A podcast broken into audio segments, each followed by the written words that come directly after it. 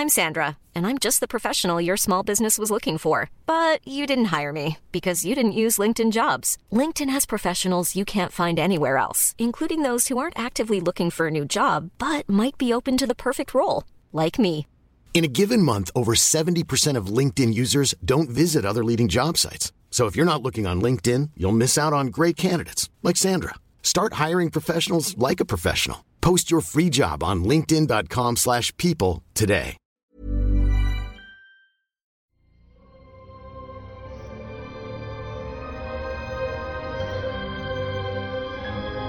I'm going to give the people what they want sensation, horror, shock.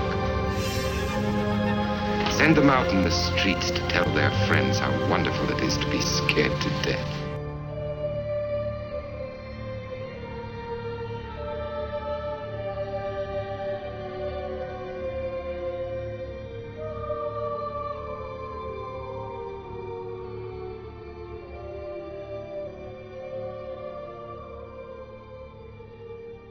Vi tackar Vincent Price för hans eh, fina, kloka, kloka ord om eh, vad som gäller med skräck. Eh, ut med er på gatan och bli rädda. Och han presenterade det över Libera med som är ledmotivet till dagens film som är en vampyrs bekännelser. Jag heter Patrik. Jag ska vara er värd. Men jag är inte ensam, precis som jag sa förra gången. Jag har med mig den ryslige men vänlige skräckfilmsvärden Fredrik Rosengren. Hallå Fredrik! Halloj Patrik! Och nu var det rätt på första försöket. Ja precis, jag behövde inte ens testa det här, den, för, sa jag förskräcklige förra gången? Jajamän, och det var ett förskräckligt misstag. Ja, exakt. Jag, jag, jag lider fortfarande av mardrömmar på nätterna. Jag förstår. Jaha, hur har veckan varit för dig? Jo, det har bara varit bra. Eller ja, bra bra. Jag har varit väldigt förkyld. Ja, När, när jag inte håller på och pluggar till präst så springer jag som vikarie på förskolorna. ja det är ju som att, som att vada i basiller. Ja, det är ju det nu när, när, allt, när skolorna börjar igen. Alltså det är ju en ren bakteriehärd så jag har legat nerbäddad här i några dagar. Men det som är trevligt när man ligger nerbäddad är att man har väldigt mycket tid. Så då kan man titta på mycket film och det är precis vad jag har gjort. Okej, men vad, vad har du tittat på för film då? Eh, eh, jag har tittat på vansinniga film, mycket film, men det ska väl vara skräck framför allt. Eh, och det har inte varit så mycket. Jag har plöjt jättemycket Star Trek, men just i skräckfilmssammanhang så såg jag en film som hette Mi- nej, Midnight eh, från 1982. Eh, det var alltså en riktig lågbudgetrulle eh, om sataniska människooffer någonstans ute i Amerikas vildmark. Eh, och det verkade jättelovande men verkade också jätte-B till en början. Men sen, och den, den var B, jättelåg budget, men den tog sig en sväng åt det väldigt mycket mörkare hållet än vad jag trodde den skulle göra. Så jag har varit lite överraskad. Men jag Midnight från 82. Midnight, ja, jag, jag känner inte igen plotten så det kanske är något jag måste gå vidare med och titta på. För det låter väldigt kul. Ja, Lite- ja plott, plotten är det. Det är det som har varit en otrevlig. Eh, det handlar om en typ, hon ska väl vara typ 16 år, någon tjej där. Eh, och eh, hon blir, hennes styvpappa dyker plötsligt upp berusad och dan i hennes rum. Och han är då polis tydligen, han tycker väl att nej men oh du är söt och snygg, nu ska vi väl hamna i sängen med varandra tycker han. Och då var det också där, hmm, det, nu tog den här filmen en sväng åt ett håll jag inte riktigt var beredd på. Och så är det vä- världens mest olämpliga musik pålagd där. För det är väldigt så här, superglatt liksom 70-tals discopop medan han försöker våldta henne. Det är ju lite, lite effektfullt också. Kanske det, men här var det bara fel. Och det makes också att skådespelet är lite sådär för hon lyckas besegra honom med att eh, slå eh, radion som hon lyckas få tag i och slår honom i huvudet med den så han ska bli medvetslös. Men det är verkligen en lätt liten knuff på pannan på han. Det finns inte en möjlighet att han kan ha blivit medvetslös av det. Men ja, sak samma. Det vart han. Och hon tar sitt pick och pack och sticker. Och så lyfter hon med några killar där. Som är hippies och de är lite fattiga där så de stjäl mat från eh, butikerna som de eh, åker förbi. Eh, och så blir de jagade av polisen och så svänger de av på någon liten avkrok för att komma undan polisbilen. Och så kommer de till en gård och vilka bor där? Jo, de sataniska djävulsdyrkarna. Som är liksom ett syskon jag har fyra syskon där då, vars sataniska mor har gått och dött och ligger nu på vinden som ett ruttnande lik. och då behöver de massa kvinnor som de kan offra till Satan för att eh, sätta liv i sin döda mor igen. Och hej vad det går. Det låter som Psycho nästan. Ja, mycket mer blodigare men också mycket mer B-variation utav Psycho. Ja, kära någon. Ja, men det, det, låter, det låter som att den är väldigt underhållande och med B-film i det här fallet, för min del, så blir det bra film. det är bra. B-film är för bra film. Ja, alltså. exakt. ja, har du sett någon mer skräck? Jag såg en annan från 2008 som heter Stag Night. Och Stag Night är typ då svensexa, förstod okay. jag. För det är precis vad det handlar om. En svensexa. Man följer ett gäng berusade och ganska grabbiga killar där då. Som efter en blöt natt ska ta sig hem. Och så eh, är de nere i tunnelbanan och så eh, åker de på sista i sista tunnelbanetåget. Men sen eh, händer det något och de blir fast där nere i tunnlarna. Och självklart visar det sig att det finns någon form av förvildad klan utav kannibalistiska hemlösa som bor i de där tunnlarna. Och så springer de upp och ner genom de där tunnlarna och blir jagade och huggna i små bitar med machetes tills det bara är någon av dem kvar som tar upp kampen mot de kannibaliska hemlösa. Alltså, det, det, det, är alltså inte, inte bara du som har varit sjuk utan även filmerna. ja, de har också varit seriöst sjuka allihopa. Alltså, de låter väldigt underhållande. Jag, jag har inte sett det... Stag Night heller. Det är, vad, vad, har jag, vad har jag gjort? Har jag suttit under en sten?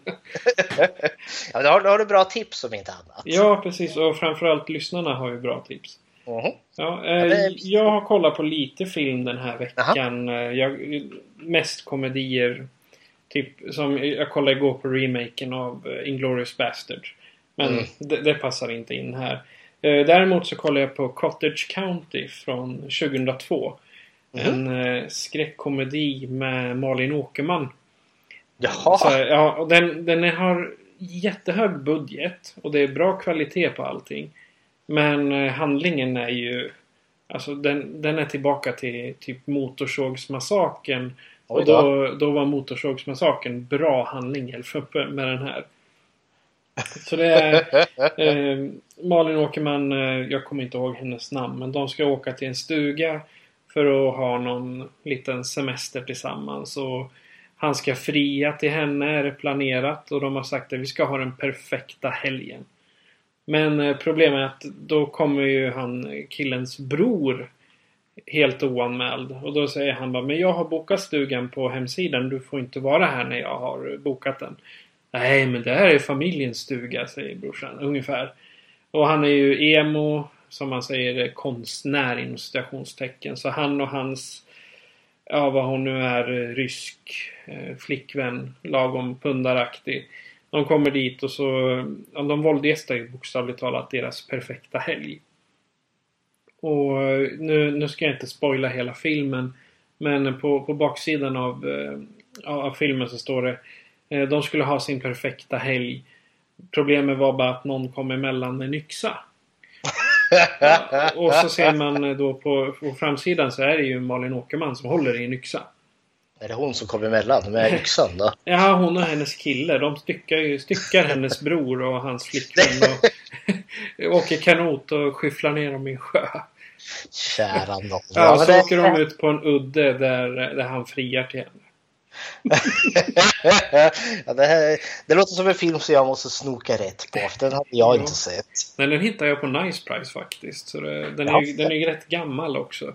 Men eh, det, den var väldigt underhållande faktiskt. Mm. Det var typ det enda skräckaktiga jag sett eh, sen Mm. vi pratade sist. Yes. Men det, det för oss in på eh, veckans tema och det är ju Mm. vampyrer. Jajamän. Jag tänker innan vi börjar med själva temaberättelsen kanske du kan ge mig en topp... För jag kan nästan ingenting om vampyrer. Nej. vampyrer är ju din, din expertis i det här fallet. Så då tänkte jag du kan väl ge mig en topp tre utav dina favoritvampyrfilmer. Jajamän, och jag har sett och förberett mig här. Eh, och det är är bara tre, det finns så många som är så kul. Men det, jag tänker, det hamnar jag på någon öde ö och jag får, inte, och jag får endast bara se de här tre filmerna och inget annat. Ja, då, då är det de här tre som gäller. Då är det lite, har jag fuskat lite här. För jag måste erkänna att den bästa vampyrfilm jag någonsin har sett är fortfarande en vampyrs bekännelse. Men det kändes lite lame att ha den som topp ett nu när vi ändå ska ha ett helt avsnitt till den. Ja, du får ha så här... eh, Det är min inom parentes nummer Ja, fyra. precis. Men då, eh, då har jag valt som på tredje plats har jag valt den miniserie som kom 79 som heter Salems lot. Ja, Stephen Eh, King. Jajamensan. Eh, Jag tror den, den svenska eh, boköversättningen är Staden som försvann. Eh, och jag kom över den när jag liksom började filmsamla där vid 14, 15 där någonstans. En sån tidig utgåva och då var den typ en och en halv timme lång. Men eh, det kändes som att eh, någonting fattades. Eh, men sen upptäckte jag att det var ju en miniserie. Så de hade ju typ kapat eh, hela eh, serien med typ hälften för den är ju typ tre timmar lång allt som allt. Så det är, så det är mycket vampyr för filmen eller, som du får med just Salems lot. Och plotten där är att det är någon gammal, eller någon eh, författare, vilket inte är helt ovanligt när det kommer till Stephen King. Hans huvudpersoner är gärna författare som återvänder till sin hemstad. Där och han träffar sin gamla ungdomskärlek där. För han har fått något, eh, jag antar att han har fått typ någon författarkramp av något slag. Och så flyttar han in och allt är ju fantastiskt att träffa gamla grannar och bekanta. Men samtidigt så flyttar det in en till gubbe i det stora Marston House. En gigantiskt skräckhus som står uppe på någon riktig kulle. Alltså det är superstereotypt eh, skräckfilmshus. Det är nästan jag förväntar mig varje gång kameran riktar sig mot huset att det ska komma en sån här orgel spelande så fladdermöss flygande så blixtar slår ner i bakgrunden bakom den. Men nej, det gör inte riktigt det. Men det kunde lika gärna ha gjort det. Eh, och den gubben startar en, en antikbod och alla är så imponerade. Men sen börjar folk dö, ena efter den andra. Och det visar sig att den här gubben med antikboden är nämligen någon form av handlangare till en vampyr. Han är nämligen vampyrens tjänare. Och den här vampyren har nu, eh, tänker nu eh, vampyrisera hela staden. Ja, eh, har du sett Salems lot? Ja, fast jag har inte sett miniserien. Jag har varit med på den här TV-filmen från 2004. Ja, för det finns ju en Det är ju någon... eh, Jag kommer inte ihåg vad han heter. Han är ju med i Vampire Diaries också. eh, senare. Eh, Jag försökte hitta namnet på honom. Det gick inte så bra. Där har vi den. Fast det var en TV det var en TV-serie också. 2004. Eh, Ja. Där är han. Rob Lowe heter han. just det. Han är- Och det är för mig att det är eh, Rutger Hauer som spelar vampyren i den.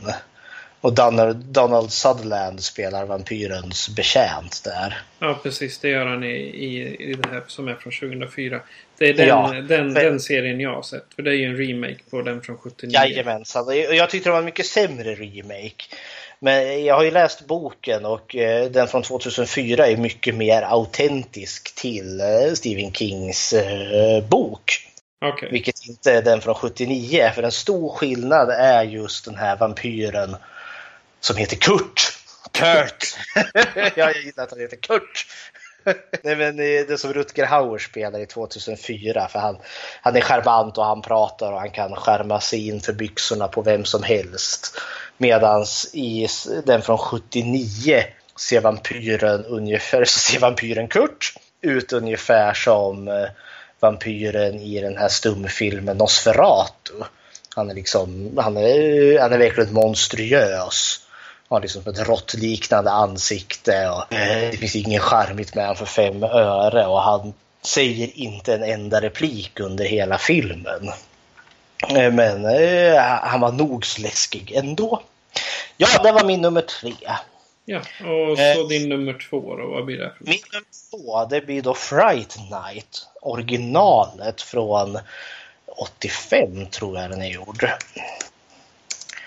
Eh, och eh, den handlar ju då om en ung kille eh, som noterar att den nyinflyttande grannen, han är väldigt aktiv på nätterna. Eh, en sån stilig eh, italiensk man ser han ut som. Och han, han får med sig väldigt många unga tjejer eh, på, in på rummet och så blir han väl hormonstinn tonåring lite nyfiken där och riktar sin kikare över bara för att se eh, när han sätter tänderna i halsen på henne och bokstavligen sliter huvudet av henne. Och då inser han det här är någonting. Till en början tror väl att han är en seriemördare men så visar det sig att han är ju vampyr.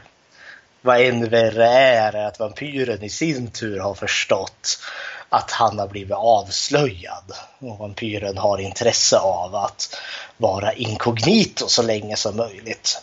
Så ja, så får han problem. Det är ju ingen som tror på honom. Han springer omkring och eh, försöker få hjälp men det, det är ingen som riktigt tror på honom att grannen är en vampyr.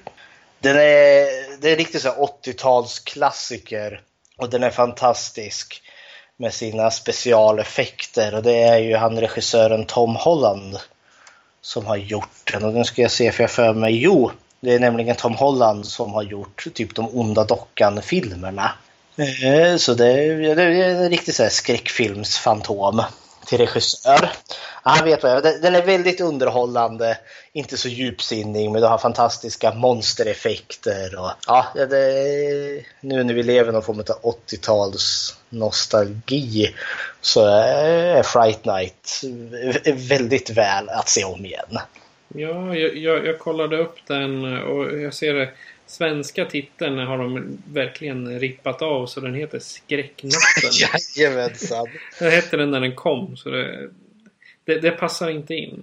Eh, Jag har, jag har sett den men jag har bara sett remaken. Jag, jag skäms nästan. Och det, där är det ju ingen, ital, det är ingen italienare där, vampyren. Han är mer än någon form av snygg amerikan. Som eh, går och... Ja, han, han gör ju samma sak. Det är Där. Colin- Colin Farrell som spelar vampyren i Precis. remaken. Eh, Och vem är det som spelar vampyren i originalet? Någon sån dåtid, dåtida 80-talshunk. Ja, Chris Sarandon va? Ja, det är det. Nej, nej, det är, det är Jerry. Vad fasen heter han då? Eh, ja, jag kommer inte ihåg. Det var så många namn. Ja, Så många namn. nej, ja, men, eh, för, er, för er som vill veta så läs på IMDB eller på Wikipedia. Där står alla namnen. det blir enklast så. Ja, eh, så, så du har sett, jag har sett originalen och du har sett remakesen då? Jag tror jag har den på Blu-ray till och med. Till och med det. Jag, jag har också sett remaken och den var helt okej ändå tyckte jag. Följer den originalet? Någorlunda. De har gjort vissa ändringar men i stort sett är liksom plotten densamma. Vampyren flyttar in, killen upptäcker att han är vampyr och vampyren upptäcker att han har blivit avslöjad. Eh, sen är det väl handlingen däremellan som är lite annorlunda men i stort sett Ja. samma. Det är väl hans kompis som, han, som blir omvandlad. Ja, Om jag minns det rätt. som i originalet och spelad av Steven Joffrey. Som hade efter, han hade, det var väl hans stora genombrott, eh, han Steven Joffrey. Han gjorde någon sån här eh, 976 Evil sen. Så det känns som att han hade en början på någon form av skräckfilmskarriär men livet tog sig en vändning till det sämre. Eller ja, jag vet inte om det var sämre men eh, han eh, skippade skräckfilmskarriären och gick rakt in i porrkarriären istället. Jaha. Och han gick då in i gay-porrträsket och vart då manlig eh, gay-porrstjärna. Okej, ja, det, det, var, det var en ganska ovanlig vändning från vampyr till porrstjärna. Men sen har han väl tagit sig ut det senare för kanske nu 8-7 år sedan här för vi har läst någon artikel om att han blickar tillbaka på den perioden som en ganska dålig period i sitt liv. Och har väl gjort några nya skräckisar tror jag. Ja. Ja, sak samma. Men ja, och det är nummer ett. Min är nummer eh, eller eh, en och en halv kanske man ska säga. är den här då. Eh, Det får bli Bram Stokers Dracula. Eh, som jag har för mig gjordes utav, ja, den gjordes 92. Eh, och ja, just och gjord av Francis Ford Coppola. Och den är, den är snygg. Den är jätte, den är jättevisuell. Bram Stokers Dracula. Eh, och det är någon form av försök att återberätta eh, eh, originalberättelsen. Kanske, eller boken mer ordagrant. Alltså mer eh, att följa boken mer än att göra en adaption utav den. Nej, men jag tycker den funkar. Den, är som sagt väldigt snygg och det är Gary Oldman som spelar vampyren, eller greve Dracula själv. Det är så en riktig kändisfest. Vi har Viona Ryder som eh, Mina som eh, Dracula suktar sådant efter och då har vi Keanu Reeves som hennes eh, tilltänkta make. Och så har det Anthony Hopkins som den besatte vampyrjägaren eh, professor Abraham Van Helsing. Så, Jag tänker mig inte Van Helsing som en gammal gubbe. ja, han är inte så Ja, han, gammal Anthony nej, Hopkins här. nej han, var, han var inte gammal då. Nej, han var ju inte... Eller jag, har sagt här, han är väl i 50-årsåldern eller något sånt där. Han är född 57. Nej, 37 är han född. Jaha, så där. Så han var ju för, för, nej, 60-årsåldern. Okej då. 60-årig Van Helsing. Ja, ja. Men han är fräsch för sin ålder om inte annat. Nej, men den här eh, för den är, som sagt, den är jättesnygg och den har fantastisk eh, musik tillagd. Och jag tror den är lite tack vare framgångarna med sig eh, just Bram Stokers Dracula som kanske gjorde att eh, en vampyrs bekännelse senare kunde bli verklighet också. Ja, jag, satt, jag kollade här. De har ju en hel uppsjö med priser. Eller nomineringar och vunna priser. Mhm. Academy Awards, eh, Saturn Awards. Fast det var inga Oscars. Det var ju inte med. Men Det kanske var fel, fel för den tiden. För att Mhm. kunna komma så långt. Men eh, Anthony Hopkins var faktiskt eh, nominerad som, eh, vad är det man säger, bi, bi, Bästa, Biroll. bästa manliga biroll. precis, på Saturn Awards. Och sen, eh, ja, det, det var väl så. Det, är- det är en bra film. Ja. Jag, har inte, jag har inte sett hela, jag har bara sett klipp. Ja, ja. ja men det, det är mina topp tre. Eh, Salem's Lot, Fright Night och Bram Stoker. Och inom parentes då en vampyrs bekännelse som Ja. den bästa. Ja, det är utmärkt. Eh, då, då, då förstår ju alla, alla som lyssnar, eh, alla som har börjat lyssna framförallt, att vi har en vampyrexpert i form av Fredrik Rosengren. Självutnämnd vampyrnördexpert. Ja, du är mer nörd än vad jag är. Så att, eh, men då tänkte jag så här att eh, du får börja med en liten berättelse om vampyrerna. Mhm. Jag tänkte det, det är alltid kul att lära sig bakgrunden. Och sen därefter ska vi gå in på dagens film. Ja. ja men det, det här vart ju den som kanske kommer ihåg från vårt introavsnitt när man fick göra och inte göra på ABF. så fick jag ju skapa en liten föreläsning om just vampyrer. Så jag nördade ner mig lite i vampyrernas historia. Och vampyrerna kanske som vi känner dem är mycket tack vare just film och eh, mer modernare böcker. Eh, och de typiska drag som vampyrerna alltid har det är ju att de dricker blod. Eh, de är odöda och de dricker blod. Men eh, vi har ju gärna att de kan hypnotisera sina offer, de blir till dimma, de kan förvandla sig till fladdermöss. Eh, de är lite klena mot vitlök, heligt vatten, kristna kors. Eh, för jag har inte sett någon vampyrfilm där just den här muslimska halvmånen tenderar att hålla dem på avstånd, eller den judiska Davidsstjärnan. Eh, och en annan mytologi är ju också att vampyren kan inte ta sig in i ditt hem om den inte är inbjuden. Om man inte säger men du, får, du är välkommen in, ja då kan vampyren inte ta sig in. Eh, och typiska svar som man har ihjäl en vampyr eh, Eh, i våra västerländska filmer är i regel Polen i hjärtat. De, solljuset tenderar alltid att vara dödligt för de här varelserna. Också eld. Man brukar säga att eld renar ondska. Men sen har vi också andra varianter som typ rinnande vatten eller typ törnbuskar ska vara farligt för vampyrer. Och då är det väl då... Törn, törnbuskar alltså. Ja, ja, men det är väl någon sån här eh, spinn på eh, Jesu törnekrona som han får. I och med att Jesus får ju en törnekrona på sig eh, innan han blir korsfäst där. Och att det är då, då kopplat till Jesus och då vampyrer är allergiska mot kristna ting. Så då törnbusken är farlig för vampyrer. Okej. Okay. Ja, men eh, det här är liksom den moderna vampyren som vi allt som oftast känner den. Och, och de här myterna har ju ändrats också. Eh, bara eh, på de här hundra år som vi har haft film.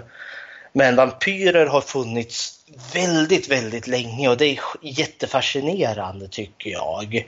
För man kan gå så långt tillbaka som i, hitta i mesopotanska kilskrifter har man hittat liksom texter som man har översatt som verkar som att det handlar om just vampyrer. Och ännu mer fascinerande att i arkeologiska nedgrävningar här och där över hela världen så hittar man alltid någon form av myt om just vampyrer. Och det är alltid de här levande liken som nivnär sig på blod. Och det tycker jag är fascinerande. För hur kommer det sig att de kan vara relativt lika? Jag menar, för 5000 år sedan så hade vi inte Facebook och Google som man kunde liksom snabbt kommunicera med varandra. Eh, Say what? Say what? Eh, men, likför, eh, men ändå så finns det myter som är väldigt lika varandra. Och jag tänkte jag skulle om just i Mesopotamien för ungefär 5000 år sedan Eh, så eh, hade man eh, myter om just vampyrer.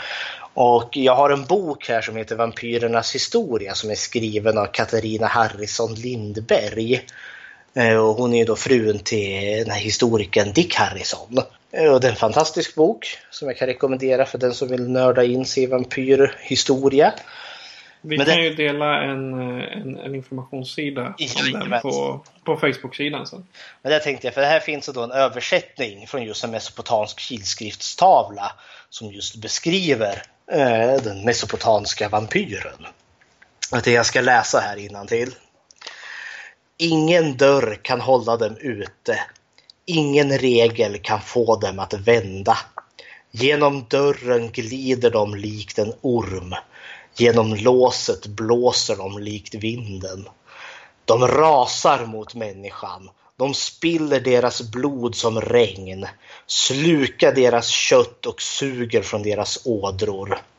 De är demoner uppfyllda av våld, oupphörligen drickandes blod. Nedkalla förbannelse mot dem så att de aldrig återvänder hit. Det är en av de äldsta skrifterna som finns som beskriver de första vampyrerna. Ifrån Mesopotamien alltså? Mesopotamien, liksom nu minst 4-5 tusen år sedan typ. De äldsta skrifter. Och det är där blickar man tillbaka på de här verkligen urhistorierna om vampyrerna så skiljer de sig markant. Typ våra vampyrer eh, som vi ser på film, det, det är riktigt mesiga varelser i jämförelse. För de här gamla vampyrerna, det är monster. Och en sån här riktig urtidsvampyr är då en varelse som kallades för Eikimu. Alltså det, och det ska då vara en osynlig demonliknande eh, ande utav någon som har dött, som har levt ett hemskt och orättfärdigt liv, som fäster sig på ryggen på olyckliga människor. Och den, liksom, den suger livskraften ur dig under lång, lång, lång tid. Innan du, och du, blir liksom, du går från en kanske en gladlynt människa till en arg och sur och tvär och så blir du orkeslös och i slutändan dör du. Men det fanns folk med magiska förmågor som kunde se de här. Det var typ dåtidens alkemister eller ja, Mesopotamiens motsvarighet till doktorer kunde ha förmågan att se de här och, de kunde, och då kunde de uppenbara sig. Och då såg de ut, de hade som något koliknande huvud med, med horna onaturligt stora och väldigt långa smala armar med nästan som, kyck, som inte som kycklingben, alltså armarna påminner om typ som kycklingben fast i eller kycklingfötter eh, fast i, i form av armar. Då. och då fick man väl gå till doktorn för att bli av med de här monstren. Eh, en annan sån där riktig urtida vampyrmytsmonster eh, kommer ifrån eh, Bibeln. Och det ska då vara Lilith, heter hon. Eh, och det är så kontroversiellt som så att hon ska nämligen vara Adams första fru. Känner till Adam och Eva. Eh, I den, I den typ förlängda varianten, eller den, ja, det, det är den judiska eh, Toran som är något mer eh, utstuderad än just eh, den eh, gamla testamentet som vi har. Där framgår det att eh, Adams första fru heter Lilith. Men hon hade... Det, där har ju Supernatural-serien alltså hämtat in inspiration. För det finns en karaktär som heter Lilith. Ja. Där, hon som är med ganska länge. Hon är det. ja, och hon är vampyr. Ja, se där. Ja, men det för hon... Eh, enligt myten där då så eh, hade hon, det, det här är ganska sunkig kvinnosyn får man väl kalla det, men hon, när Adam och Eva ska eh, ha samlag med varandra, då vägrar Lilith ligga underst. Utan Adam måste ligga underst och så gränslar väl hon över honom. Och det var en styggelse som sannerligen inte var okej. Okay. Eh, och därför blir då Lilith, eh, vad heter det, mm, bannlyst från Edens lustgård. Och då traskar hon sur och tvär ut i the land of Nod som det heter. Och där eh, för hon är väldigt attraktiv, men där ska hon då ligga med saker och ting som kommer hennes väg och så blir hon då alla monsters moder. Hon föder alla odjur och alla vidriga tingelser som finns. Eh, och hon ska då vara den första vampyren som någonsin har funnits, tydligen. Nej, men så det här är, vampyren finns liksom eh, väldigt långt bakåt i tiden. Eh, och även här i Sverige på gamla asatrostider så har vi även trott på, som, eller på, på vampyrer. Eh, men jag för mig att de kallades för drauger. Men eh, vi skulle nog, som våra gamla förfäder, våra våra gamla vikingar, då, så de beskrevs som en vampyr, då skulle nog vi antagligen beskriva som en zombie. För det var verkligen, i regel var det liksom någon hemsk och otrevlig person eh, som hade gått och dött. Och så kom de upp ifrån sina gravar, de grävde sig upp igen. Och så hade de fyr för sig med att eh, typ komma in på natten och så arrangerar de om ditt skafferi. så att du inte hittar mjölpåsen eller saltet eller något sånt där. Det börjar i regel så, alltså små busstreck. Men sen eskalerar det där och blir bara värre och värre. Eh, och i slutändan blir de ganska våldsamma. Och för att upprätthålla det här odöda livet så dricker de blod. Eh, för det var en sedvänja som vi har haft här i Norden väldigt eh, mycket är ju just att man har slagit då pålar genom liken. Och det är det du vet, träpålen genom hjärtat. Men det var det så att man spikade fast liket i jorden eh, så att den inte skulle ta sig upp. Alltså, var, var, det där de, var det där de gjorde med box, Bockstensman? Ja, man tror det. För liksom, eh, det kunde också vara som så att Eh, om man faller offer för ett brott så säg att du blir mördad utav stråtrövare eller något sånt där. Då kunde man också, som antagligen Bockstensmannen blev, eh, för då, då, kunde man slå då, en påle igenom eh, honom för att han inte skulle komma tillbaka och hämnas på dem.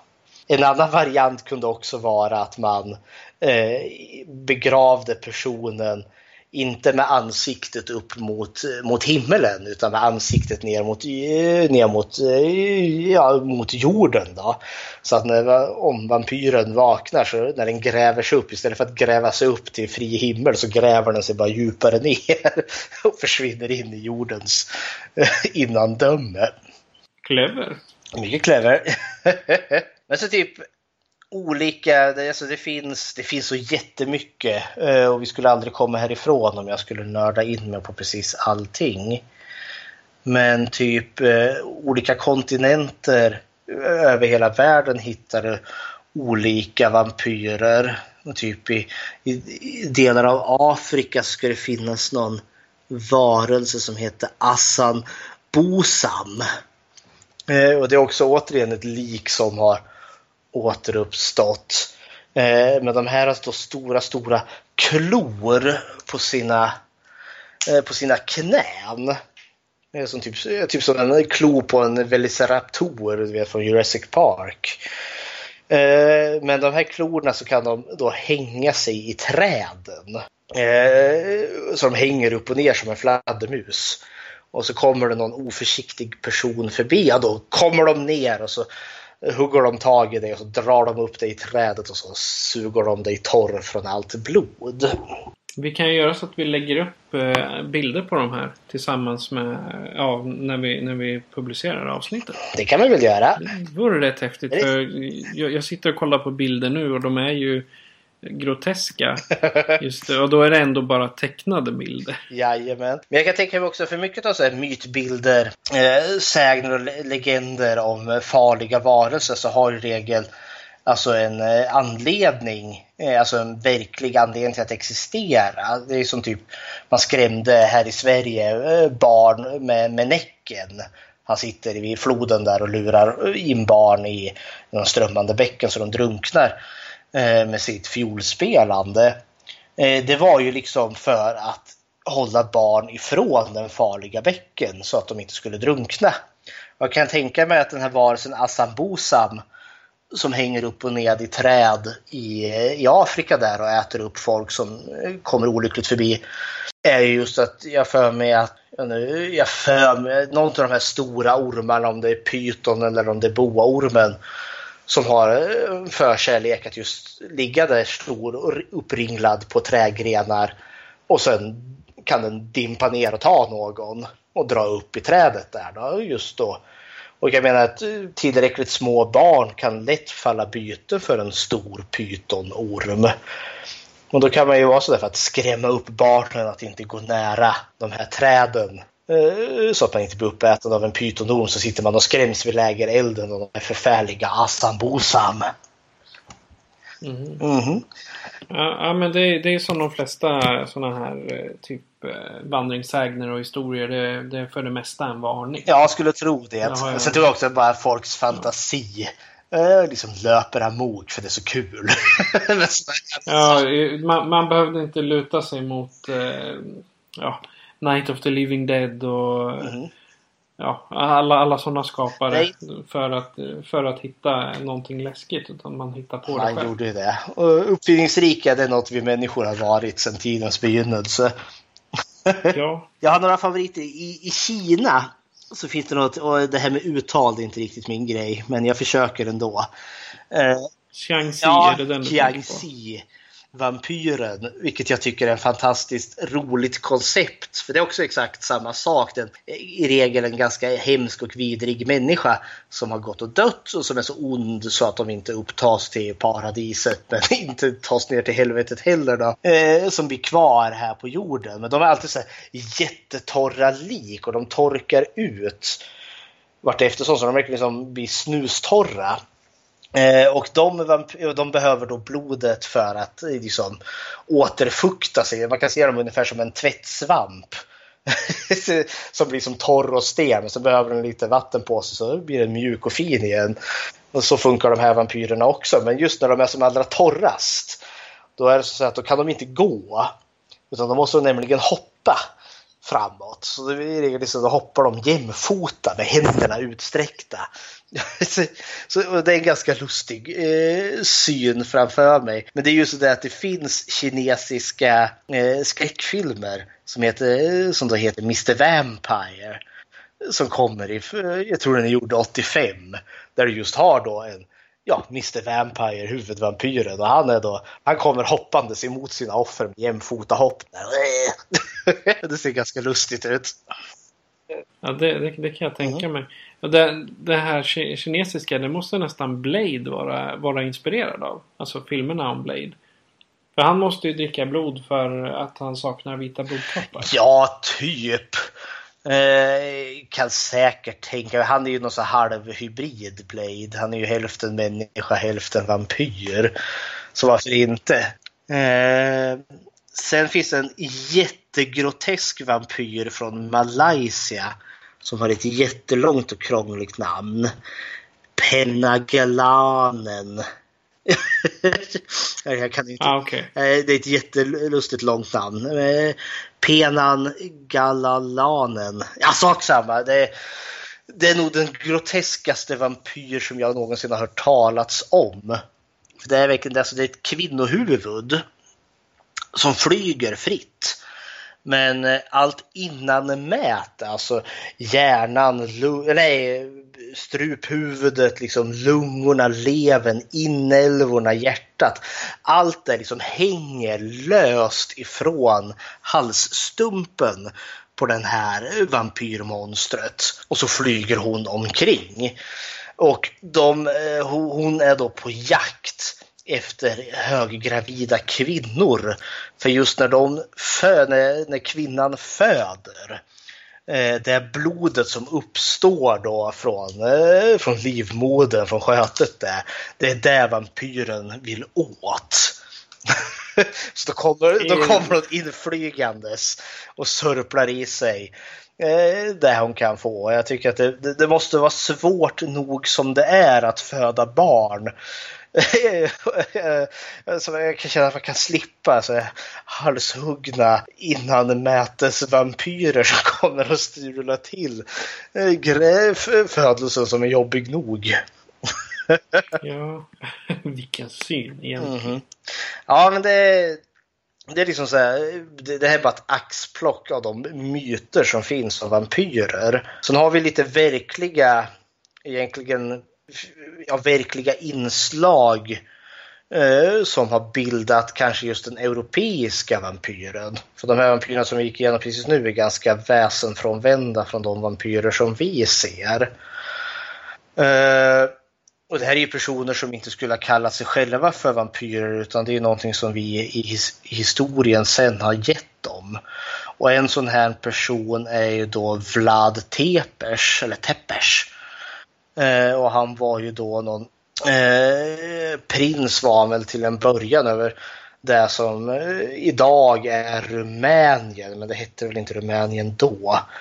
Eh, och hans pappa som då var kung över landet. Han tillhörde ju någon eh, riddarorder eh, som, som heter Drakens order. Eh, och det översattes då på latin till, eh, Eh, till, till, till någonting eh, Dracul. Eh, och då vart ju han sonen till draken och det uttalades då Dracula. så du ser vart det här är på väg. Men när hans pappa då väl gick och dog så vart det ju Vlad Tepes som tog över.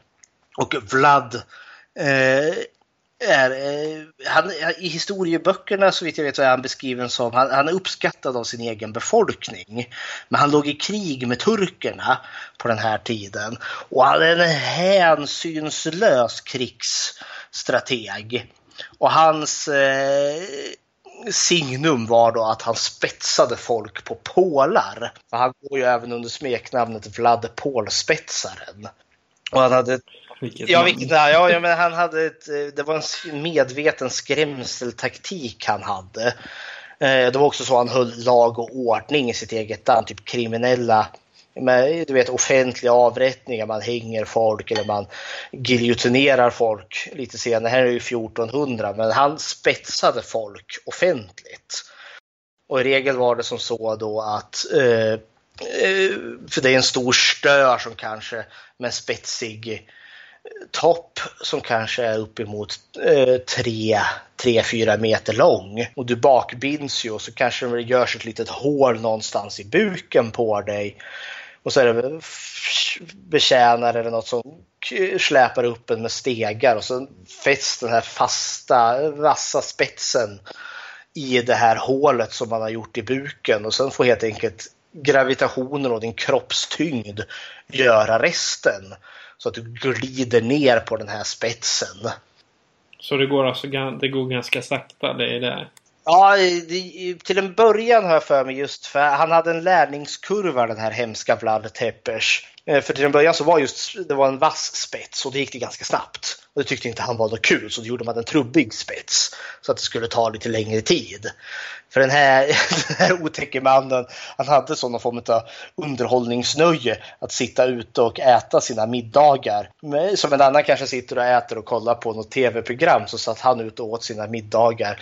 Och, och, ackompanjerad utav den vackra musiken av folk som skriker medan de sitter eh, spetsade på pålar. Lite lagom sadistiskt. Lite lagom sadistiskt. Men han, eh, han använder det här som någon form, när han väl hamnade i krig mot turkerna så enligt jag vet inte om det är historia eller myt, men han ska ju då ha vunnit stora slag och de tog många krigsfångar och han visste ju vilken väg den turkiska armén skulle komma. Så de, de tömde ju alla fängelser och alla krigsfångar de hade och så ska de eh, ha då eh, längs hela den här rutten som den turkiska armén kom spetsat uppemot 20 000 personer för att just fullständigt demoralisera och sätta skräck i den turkiska armén. Eh, men i slutändan ska väl Vlad ha förlorat alltihopa. Han placerades, togs till fånga av turkarna och placerades i någon fängelsecell där han satt och roade sig med att spetsa råttor på träpinnar som han kunde hitta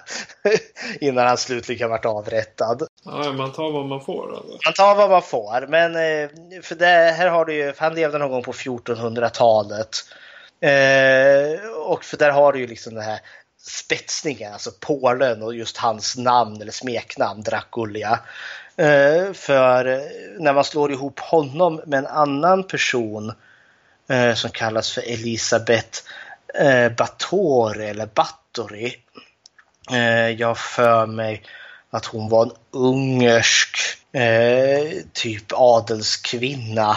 Ungersk eh, adelskvinna som levde eh, någon gång på 1600-talet och eh, som ska då ha varit känd för sitt extremt lynniga eh, eh, temperament. Och enligt myten så ska hon, för hon vart änka ganska tidigt när hon var någonstans i 20-årsåldern.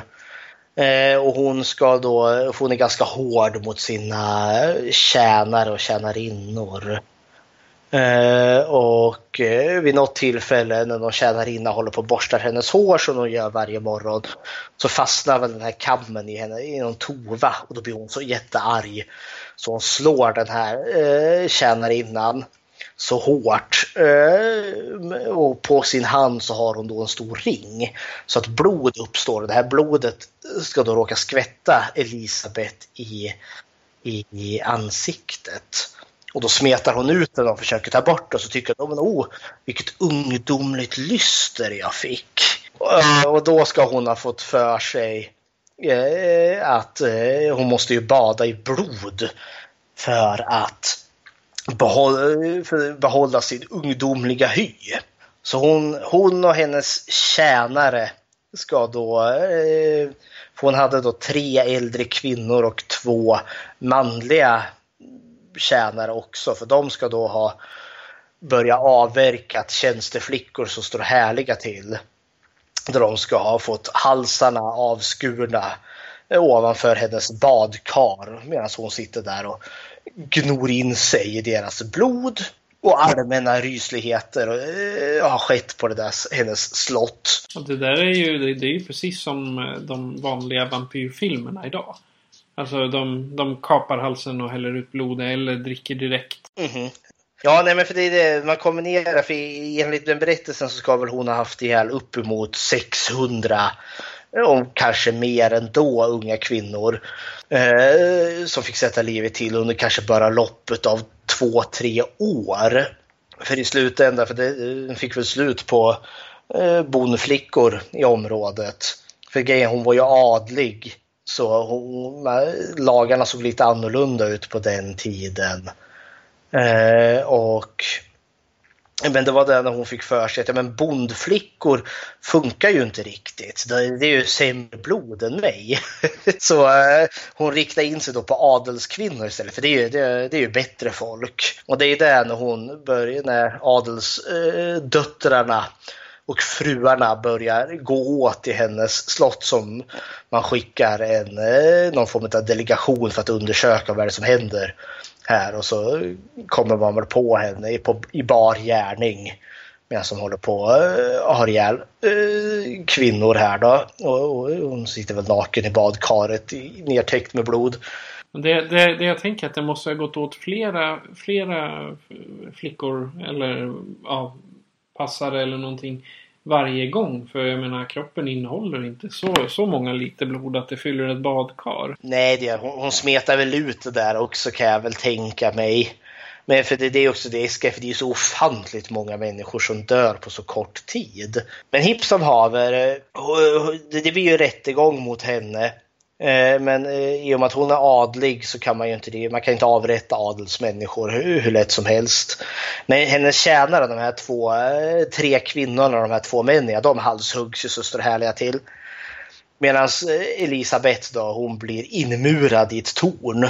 Eh, och det, där hon får, man murar igen alla fönster och alla dörrar och så lämnar man en liten glipa längst ner som man kan skjuta in lite mat till henne. Och det får hon väl bo i ungefär två år innan hon dör utav väder och vind antar jag.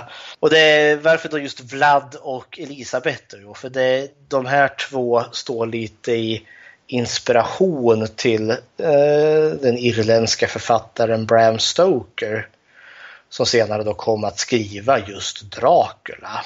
För där kan man ju kombinera, har du Vlad Tepes med pålspetsaren och eh, den här eh, eh rumänska eh, kungen, eller prins är väl. Och så slår du ihop det med Elisabeth Battiore som ska bli evigt ung med allt blod som hon badar och dricker i. Ja, slår du ihop de där två, ja då blir det greve Dracula i Transylvanien. och där är väl kanske då den moderna vampyren som vi känner den eh, tar vid. Det här som i slutändan blir eh, True Blood och Vampire Diaries. Ja, det, det var ganska intressant det där. Men jag, jag kom på här, jag har bläddrat fram lite i eh, filmhistorien, så tänkte jag på Hammer Horror. För de gjorde ganska, ga, ganska stora arbeten med Dracula. Och... Ja, nu har vi gått in i filmvärlden här. Eh, och eh, det var ju på 60-talet som Hammer Horror i England eller Storbritannien där började. För de gjorde ju som någon form av remakes på Bela Lugosi's, eh, jag säger, mm, Dracula som kom 31 och det var ju som början på den här Universal horror-monsterfilmerna med Dracula och Frankenstein och The Wolfman och, och The Creature from the Black Lagoon. Eh, men de var väl lite så här, de var lite blodfattiga och framförallt så var de ju svartvita varenda en av dem. Och Hammer Horror, de ville väl mer köra i färg. Nu kunde du få se blod och det kunde vara lite eh, direkt naket var det ju inte men nu hade kvinnorna lite mer urringat. Så ja, jag kan inte säga att Hammer Horror är liksom de tyngsta utav handlingsmässigt eh, mässiga filmer men de byggde gärna mycket stämning och mycket, ja vad kan man kalla det? Eh, de satte ju lite trender kan man säga. Det kan man väl kalla det. Mot dag, dagens vampyrer. Jag tänker ta som... De, de som jag känner igen bäst är ju från Buffy, The Vampire Slayer. Den kom väl, eh, ja vilket år den nu kom, 97. Och eh, framåt. Det är ju den moderna... Alltså när det, det är sexiga tjejer och det är eh, coola killar, mycket muskler. Eh, ja, förutom i Buffy då. De är ju bara så allmänt fula. Men det, även, om det, även om det är riktigt snyggt gjort. För det, där vet man att ja, det är verkligen på låtsas. Mm. Och sen finns det ju de här lite modernare typ Twilight och Vampire Diaries. Där Mm. är, det, är det verkligen på riktigt liksom? För de ändras så lite. De, de är så lika människor. Jo, det är en grej som jag tycker om man nu ska ta rent filmmässigt här nu. eh, När du nämnde Hammer Horror och, och Buffy the Vampire Slayer. Är ju som att de vampyrerna, eh, ja som i Buffy framförallt, de har ju, det finns ju som en dubbel natur till dem. Där de ser ut som helt vanliga människor men sen går de in i sitt vampyrtillstånd och de får mer fladdermusliknande utseende och liksom tänder och klor. Och jag tänkte det är någonting som kanske har ändrats lite med, med våra vampyrer. Eller våra, med, med, med vampyren som vi ser den just nu här och idag. Och tänka på filmer som typ Underworld, eh, Twilight framför allt. Eh, som har tagit bort det här monstruösa utseendet på vampyren och väldigt mycket mer fokuserar på att du är evigt ung och att du är evigt snygg. Och mycket av den här vampyrens liksom förbannelse, svaghet är i regel ganska mycket borta numera. Exempelvis religiösa... Oj! Vem är det som vill göra ett gästspel? Det, det, det är deras matte som kommer. Innehållet i den här podcasten tillhandahålls av Patrik Norén och Fredrik Rosengren. Producent och klippning, det är Patrik. För feedback, frågor och andra ärenden kan du kontakta oss via e-post på skräckfilmscirkeln gmail.com och vill du diskutera eller läsa nyheter så kan du gärna gilla och följa oss på Facebook. Sök efter Skräckfilmscirkeln. Vår podcast är och kommer alltid vara gratis för allmänheten. Gå in på patreon.com skräckfilmscirkeln och när du registrerar dig som patron hjälper du till att hålla podcasten igång samtidigt som du får tillgång till exklusivt innehåll bakom kulisserna, giveaways och samtidigt får du tidig eh, tillgång till avsnitten. Utgångspriset är 14 kronor per månad men du får givetvis skänka mer om du så önskar. När vi är över 20 patroner så kommer vi börja lotta ut filmerna vi har pratat om efter varje avsnitt. Och nu är vi plötsligt tillbaka. En eh, BFC-hund och eh, ytterligare en BFC-hund och ytterligare en BFC-hund bröt alltihopa där. Vi var, vi var tvungna att stänga av helt enkelt. Det, är därför det, ja, det var därför det var så konstigt. Ja, men det, det gjorde ingenting för då hade jag kokat lite kaffe här. Ja, samma här. Man fick en paus. Jajamän. Jag för mig, eh, vi pratade om, eller jag pratade om att vampyrerna har förändrats. Ja, precis. De har blivit sexigare och eh, mer moderna. Ja, eh, jag tänkte, jag tror jag var inne där innan hundarna började köra sitt lilla solorace. Just det här att vampyrens, den här mer förbannelsen som det är att vara vampyr har försvunnit bort. Uh, och jag för mig, jag läste, när, när Twilight var som populärast, där den kom väl 2008 och åren som följde där, eh, så läste jag i Svenska kyrkans tidning någon rolig krönika som kom fram till att ja, men, nu har vampyren blivit sekulariserad. Efter, ja, eftersom att de här typiska religiösa symbolerna inte längre funkar. Alltså nu, nu, kors håller inte vampyrerna på avstånd och heligt vatten är inte mycket mer än bara just vatten.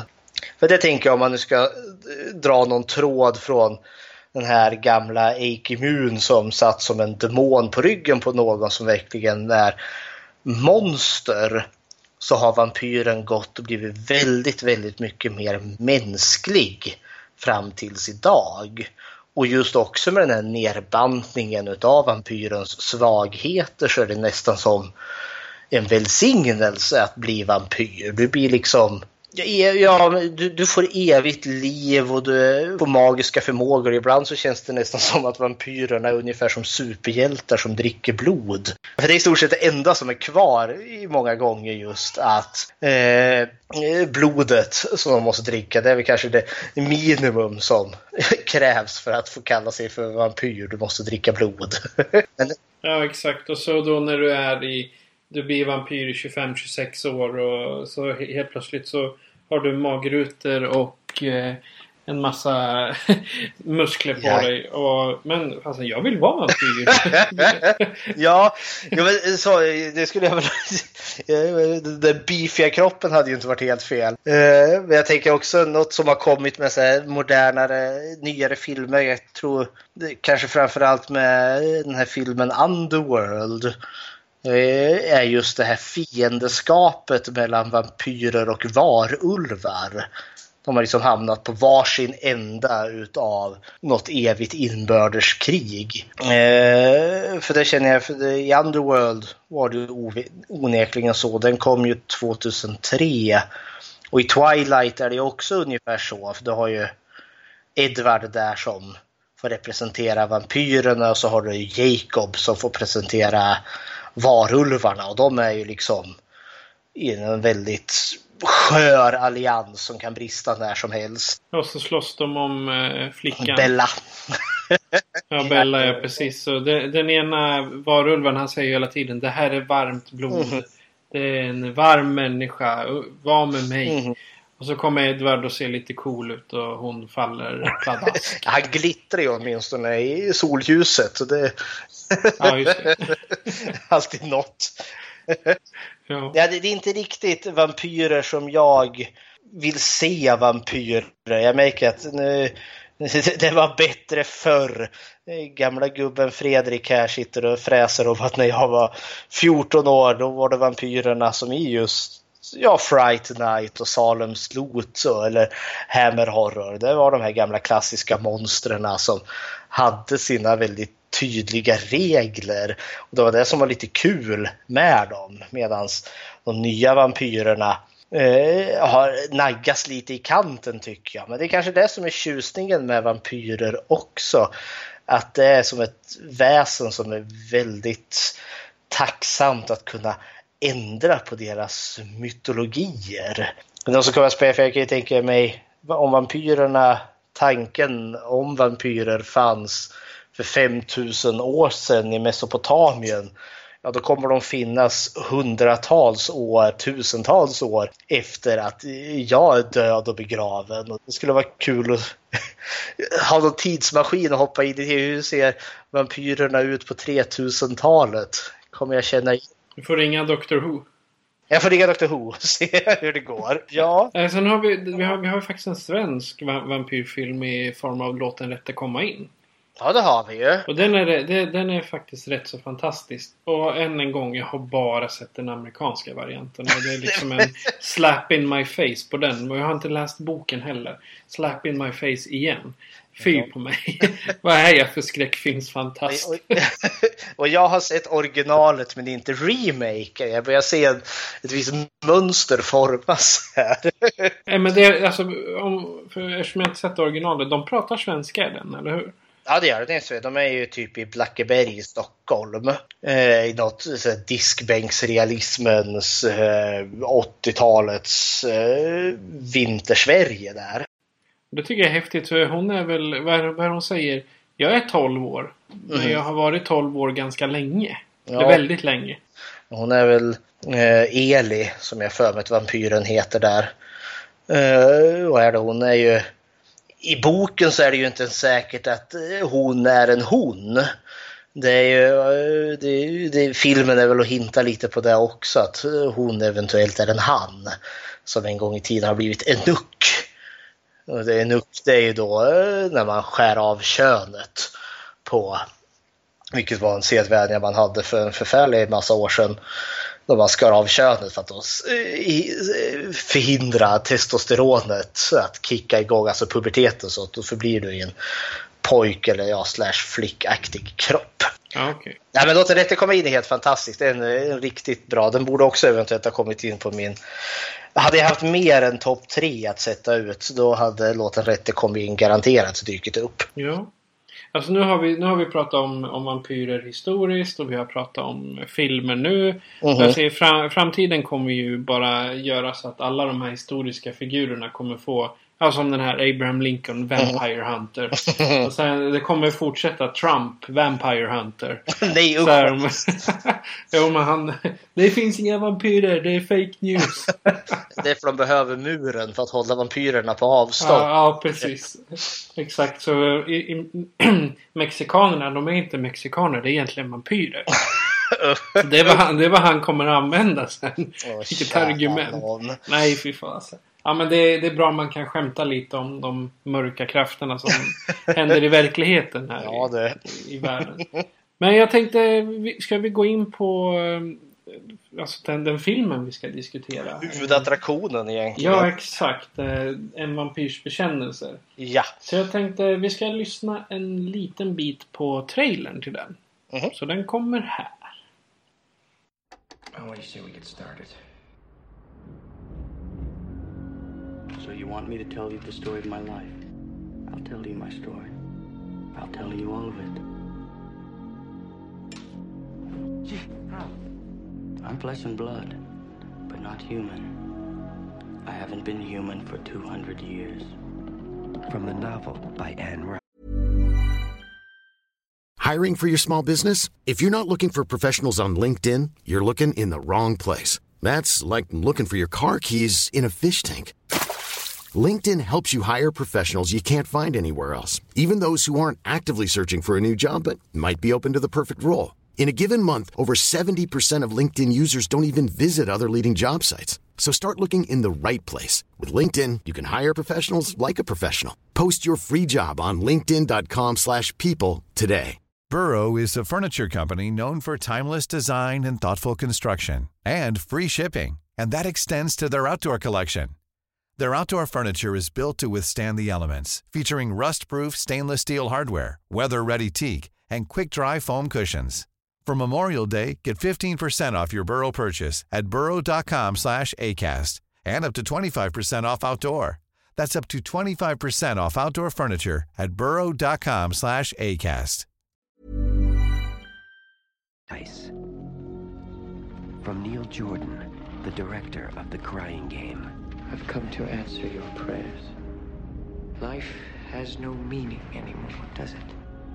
His name is Lestat. But what if I could give it back to you?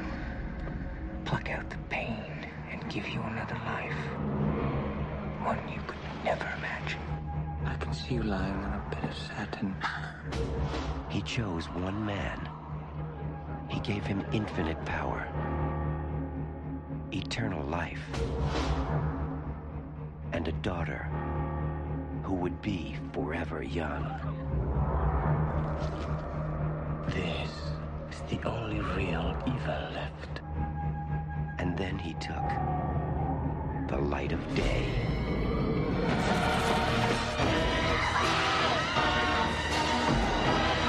You're a vampire who never knew what life was until it ran out in a red gush over your lips.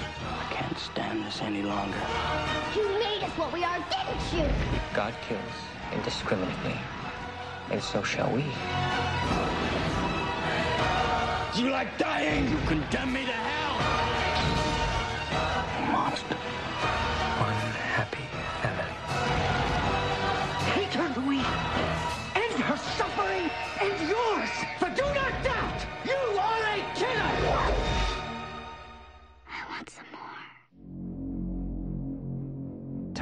Cruise, Brad Pitt, Stephen Ray, Antonio Banderas, Kirsten Dunst, and Christian Slater. Interview with the Vampire. Louis de Pont du har en historia att berätta. Den unge journalisten Malloy kommer under nattens timmar att få ta del av en hemlighet. Bevarad i över 200 år. En vampyrs bekännelser. Om ett liv fyllt av skönhet och rikedom, passion och åtrå och om odödlighetens förbannelse, den omättliga aptiten på människoblod samt oförmågan att känna glädje eller sorg.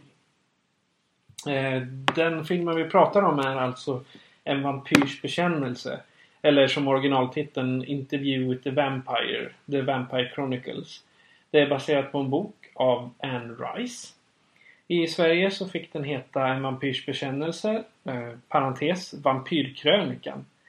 Den är regisserad av Neil Jordan som även gjorde The Crying Game 92 och The Stranger Inside 2007. Och vi har några stora namn med. Tom Cruise och vi har Brad Pitt och så Antonio Banderas. Frågan är om de någonsin träffades igen efter den här filmen och gjorde film tillsammans. Men en, en rolig sak som jag hittade där var att Susan Lynch var med som statist. Och den som inte vet vem hon är så var det hon som spelar Rebecca i Ivanhoe 1997. Så hon gick liksom från att springa i bakgrunden till att vara i stort sett central i en film. Och den distribuerades i Sverige av Warner och eh, Svensk Filmindustri. Eh, hyr och köpvideo var också Warner. Och sen då när den senare kom på DVD så var det Sandrew som köpte upp den. Eh, vi hade biopremiär den 9 december 1994 i Sverige. Så den kom inte så långt efter när det var premiär i USA. Eh, Första tv-visningen var 98. eh, Första VHSen kom 95. Och DVDn kom 2003. Så det är lite, li, lite kul fakta om den, all, alla de här staplingarna som jag hämtade från IMDB och Wikipedia. Jag ska säga, det, det är inte säkert att de stämmer exakt. Så att, eh, men sen, jag, jag satt och tittade på sån här rolig bakgrundsfakta, alltså trivia, på li, lite olika sidor. Och jag räknade på olika ställen de har filmat. Och det är alltså över sex stycken i tre olika länder. Så de var i Louisiana i USA, Vacherie tror jag uttalas, i New Orleans, Lafayette, San Francisco och de var i Buckinghamshire i London. Det var, det var de, det mesta som spelades in i studion gjorde det. Och sen var de på Opera National i Frankrike. Och Surrey, jag tror det är gatan Surrey i England. Och Det är, en, det är en stor film, 60 miljoner dollar, men den spe, det tog inte så lång tid. Den, sex månader bara. Ja, och då drog de in 223 miljoner sen.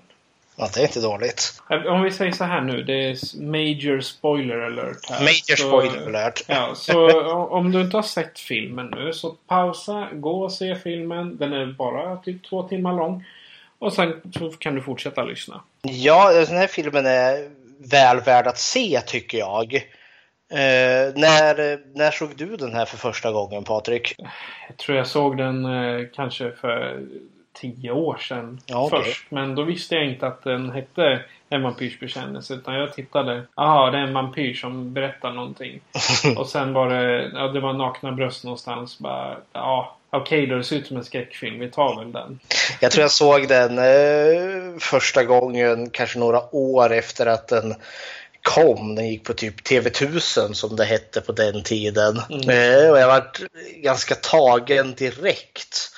Eh, för när den här filmen börjar så är det ju, det är San Francisco. Och man, det är en helikopter som flyger in över Golden Gate och så går ju den här musiken, Libra Mi. Som vi eh, hörde i början. Jajamän, och väldigt liksom klagande, liksom sorglig låt. Libra mi är väl latin för typ befria mig. Eh, och så går det igenom kameran, eh, går igenom ett eh, San Francisco där på gatorna där man ser det. Liksom, det känns som att det får en ganska sunkig ton. Det står någon gubbe där och gestikulerar så han ser hemlös ut som att han borde så typ domedagsprofet som står och skriker på gatan och eh, andra liksom eh, ledsna eh, figurer som står där i mörkret och så zoomar det upp på Brad Pitt som står där och blänger ut genom ett fönster. Och det är han som är då vampyren Louis. Eh, som då eh, ska inte bli, eller har låter sig intervjuas utav eh, Christian Slater är det väl som spelar intervjuaren. Ja, det är det. Eh, jag, jag, tycker det är, är, ganska häftigt där, för, som jag fann väldigt poetiskt. Att för, för Slater, han, det är ju innan han börjar spela in och så frågar han vad har du för historia att berätta och hej och, och så avslutar han I'm a vampire. Mm. Jag tyckte det var så poetiskt för han tittar ut och så vänder han sig sakta om och man ser den där kritvita ansiktet om man målar på honom. Mm.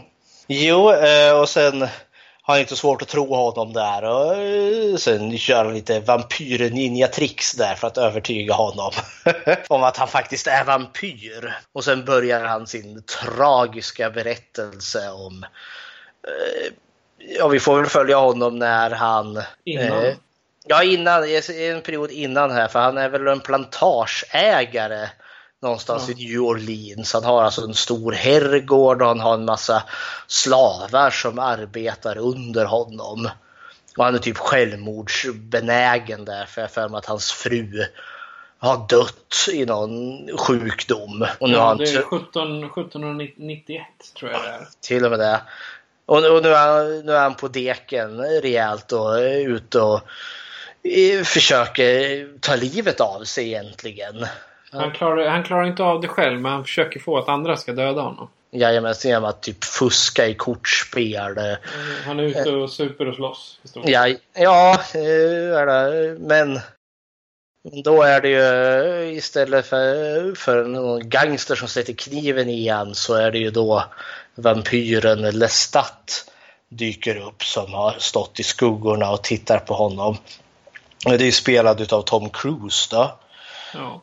Eh, som sätter tänderna i honom och ger honom valmöjligheten att kunna bli vampyr, vilket är något han nappar på sen. Ja, det, det där tycker jag är häftigt när jag satt och tittade på den. För jag var ju tvungen att typ hitta någon streamingsida där de streamade någon mm. bootleg eller något. Ja, det var mera som från en VHS. Men det jag, det jag reagerar på är att när han sätter tänderna i honom nere i hamnen. Mm. Då ser man verkligen hur det hänger snören. Jag vet inte om du har tänkt på det? Nej. ja, jag... Man ser verkligen snörena som går rakt upp.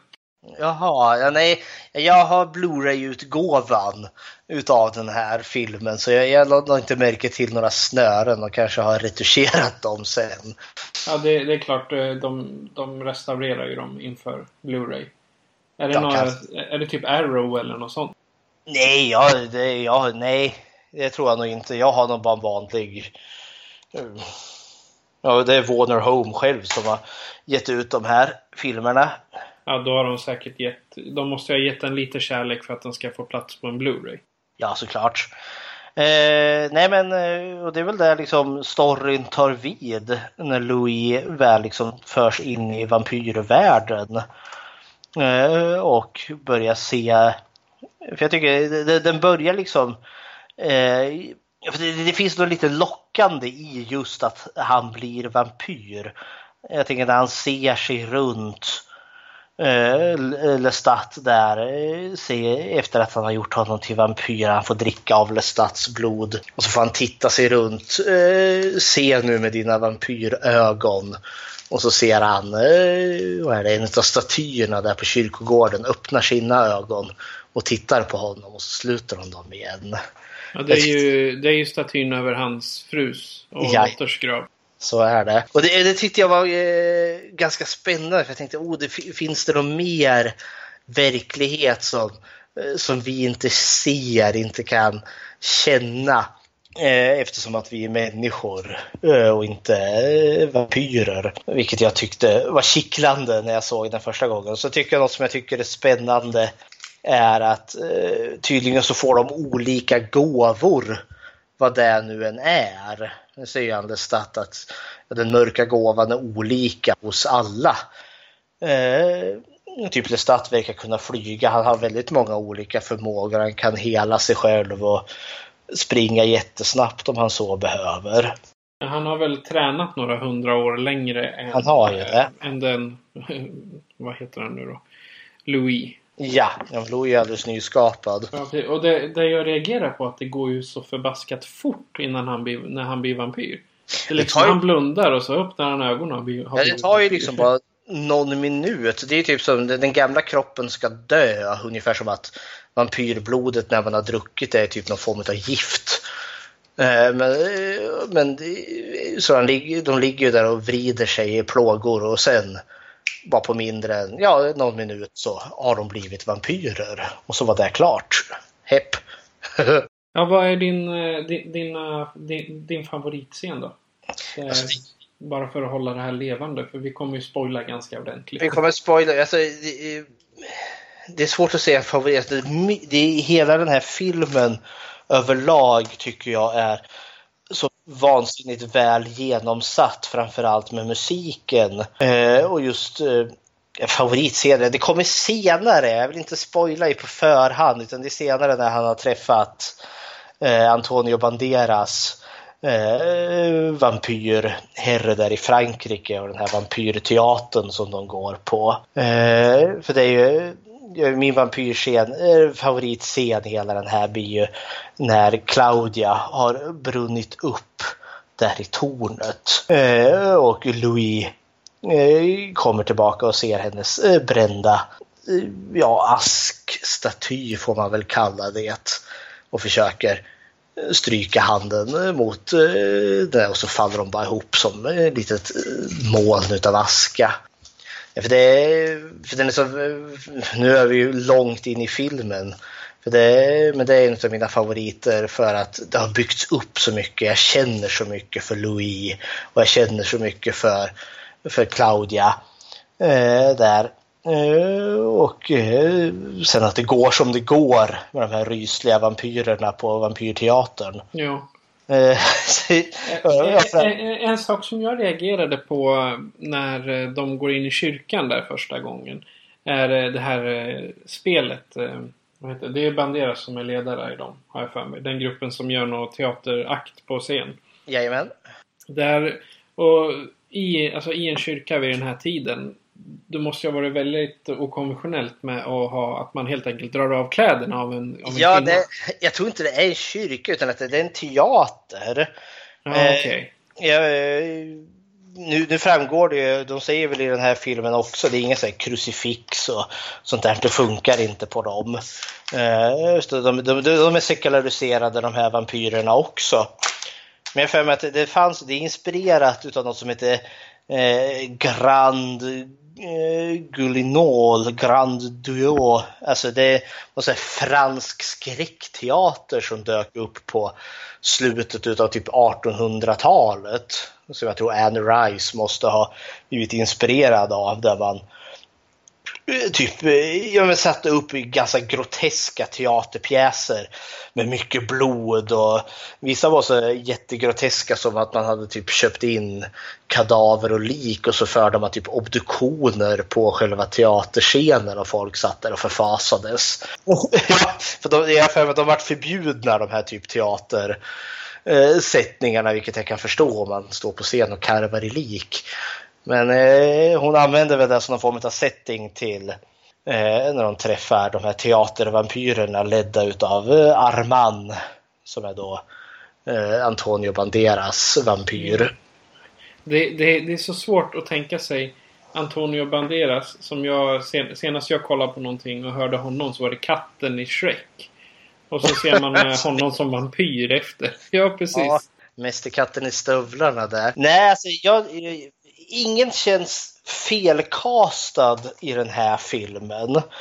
Uh, för jag menar, Antonio Banderas, jag tror jag hade sett mycket av honom i en actionfilm som heter Desperados.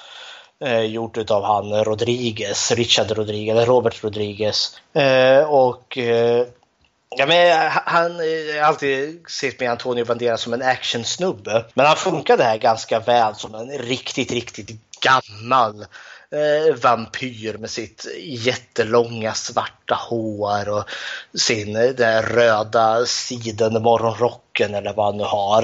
Eh, för jag tänkte, för det är lite, jag menar, för att återvända lite till berättelsen. För först är det ju det här med eh, Louis och Lestat Eh, som, är, som blir typ som ett par egentligen får man väl nästan kalla det.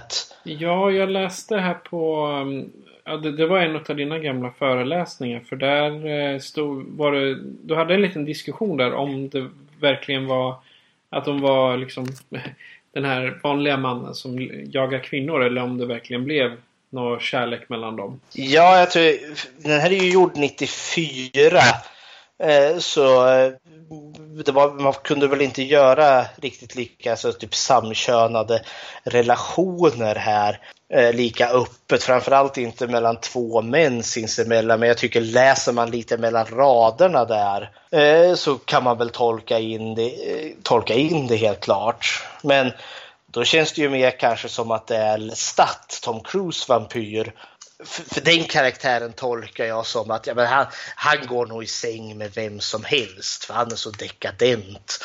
Han, eh, han vill liksom leva det här helt fria livet. Han, liksom, han tar bara för sig för han tycker det är så kul. Medan Louis är liksom skuldtyngd och eh, slagen i sorg. Jag tror Louis har nog liksom ingen Eh, Eh, form av eh, romantisk kärlek gentemot eh, Lestat. Åtminstone i, inte i, i filmen i alla fall. Sen i boken är det säkert annorlunda. För jag kan liksom inte låta bli att tänka för liksom deras relation, Lestat vill ju eh, att eh, Louis ska eh, verkligen anamma sin vampyriska, sitt vampyriska drag. Men Louis vill ju inte döda människor. Han har jättesvårt för det. Han äter hellre typ råttor och pudlar och allt vad det nu är. Han dricker rått blod som vin. Ja, eh, men det djurblod räcker liksom inte riktigt. Om människoblod är liksom det mest potenta. Eh, men så eh, han är då liksom och han blir liksom, det är ungefär som att de är, kan man säga, missbrukare av blod. Tolkar jag. För ju mer han håller sig ifrån att dricka människor desto mer liksom typ abstinent Till slut så blir han ju så hungrig så han kan ju inte tygla det där. Men eh, ansträngningen mellan Lestat och Louis blir ju jätteansträngd. Det, det, det, känns ju ungefär som ett, som ett eh, kärleksgnabbande par. Så, och det är allting som håller på att gå åt helvete. Men då så för att rädda relationen så att säga så skaffar de barn. Ja exakt. Eh, Kirsten Dunst. De gör... Hon, är väl, eh, hon, är det, hon har någon sån här konstig sjukdom. Fast det egentligen typ bara är leukemi eller något sånt där. Eh, ja, eh, ja, du tänker medan hon fortfarande lever? Ja, precis. Nej, hon har fått, hon har, det är pesten som har brutit ja. ut vid den tiden. Ja, och så hon ligger ju döende i pest. Ja, för det är väl det är ju det när efter att Louis och Lestat har bråkat på något hotellrum där så sticker ju Louis ner och typ är lite tjurig och kontemplerar väl tillvaron och då går han ner i något pestdrabbat område och där hittar han ju då eh, Kirsten Dunns karaktär där hon sitter då med sin eh, döda mor då, som bevisligen har dött i pesten. Ja, hon är ju döende själv också. Ja, hon kommer ju gå åt och eh, jag tolkar det som att typ Louis han lider ju för henne men sen biter han ju henne där då. Och jag tolkar som att han försöker typ kanske barmhärtighetsdöda henne där. Men då dyker ju Lestat upp där och skrattar rått och hjärtligt och tycker att det är helt fantastiskt. Louis kunde inte äta upp den här prostituerade kvinnan som de hade men tioåriga flickor, det går jättebra. Och så dansar han omkring med det här liket av den här kvinnan då som har dött av pest. Det är jättemakabert. Ja, och sen eh, det är, det, det är väl Louise som omvandlar henne sen. nej, han, han, Louise blod. ja, nej, det är det väl inte. Han, eh, Louis sticker ju iväg. Han blir ju alldeles... för Han är, han är en så jävla drama queen, Louis. Ja, just det. Han han sticker ju iväg och typ bosätter sitt kloakhål i typ några veckor känns det som.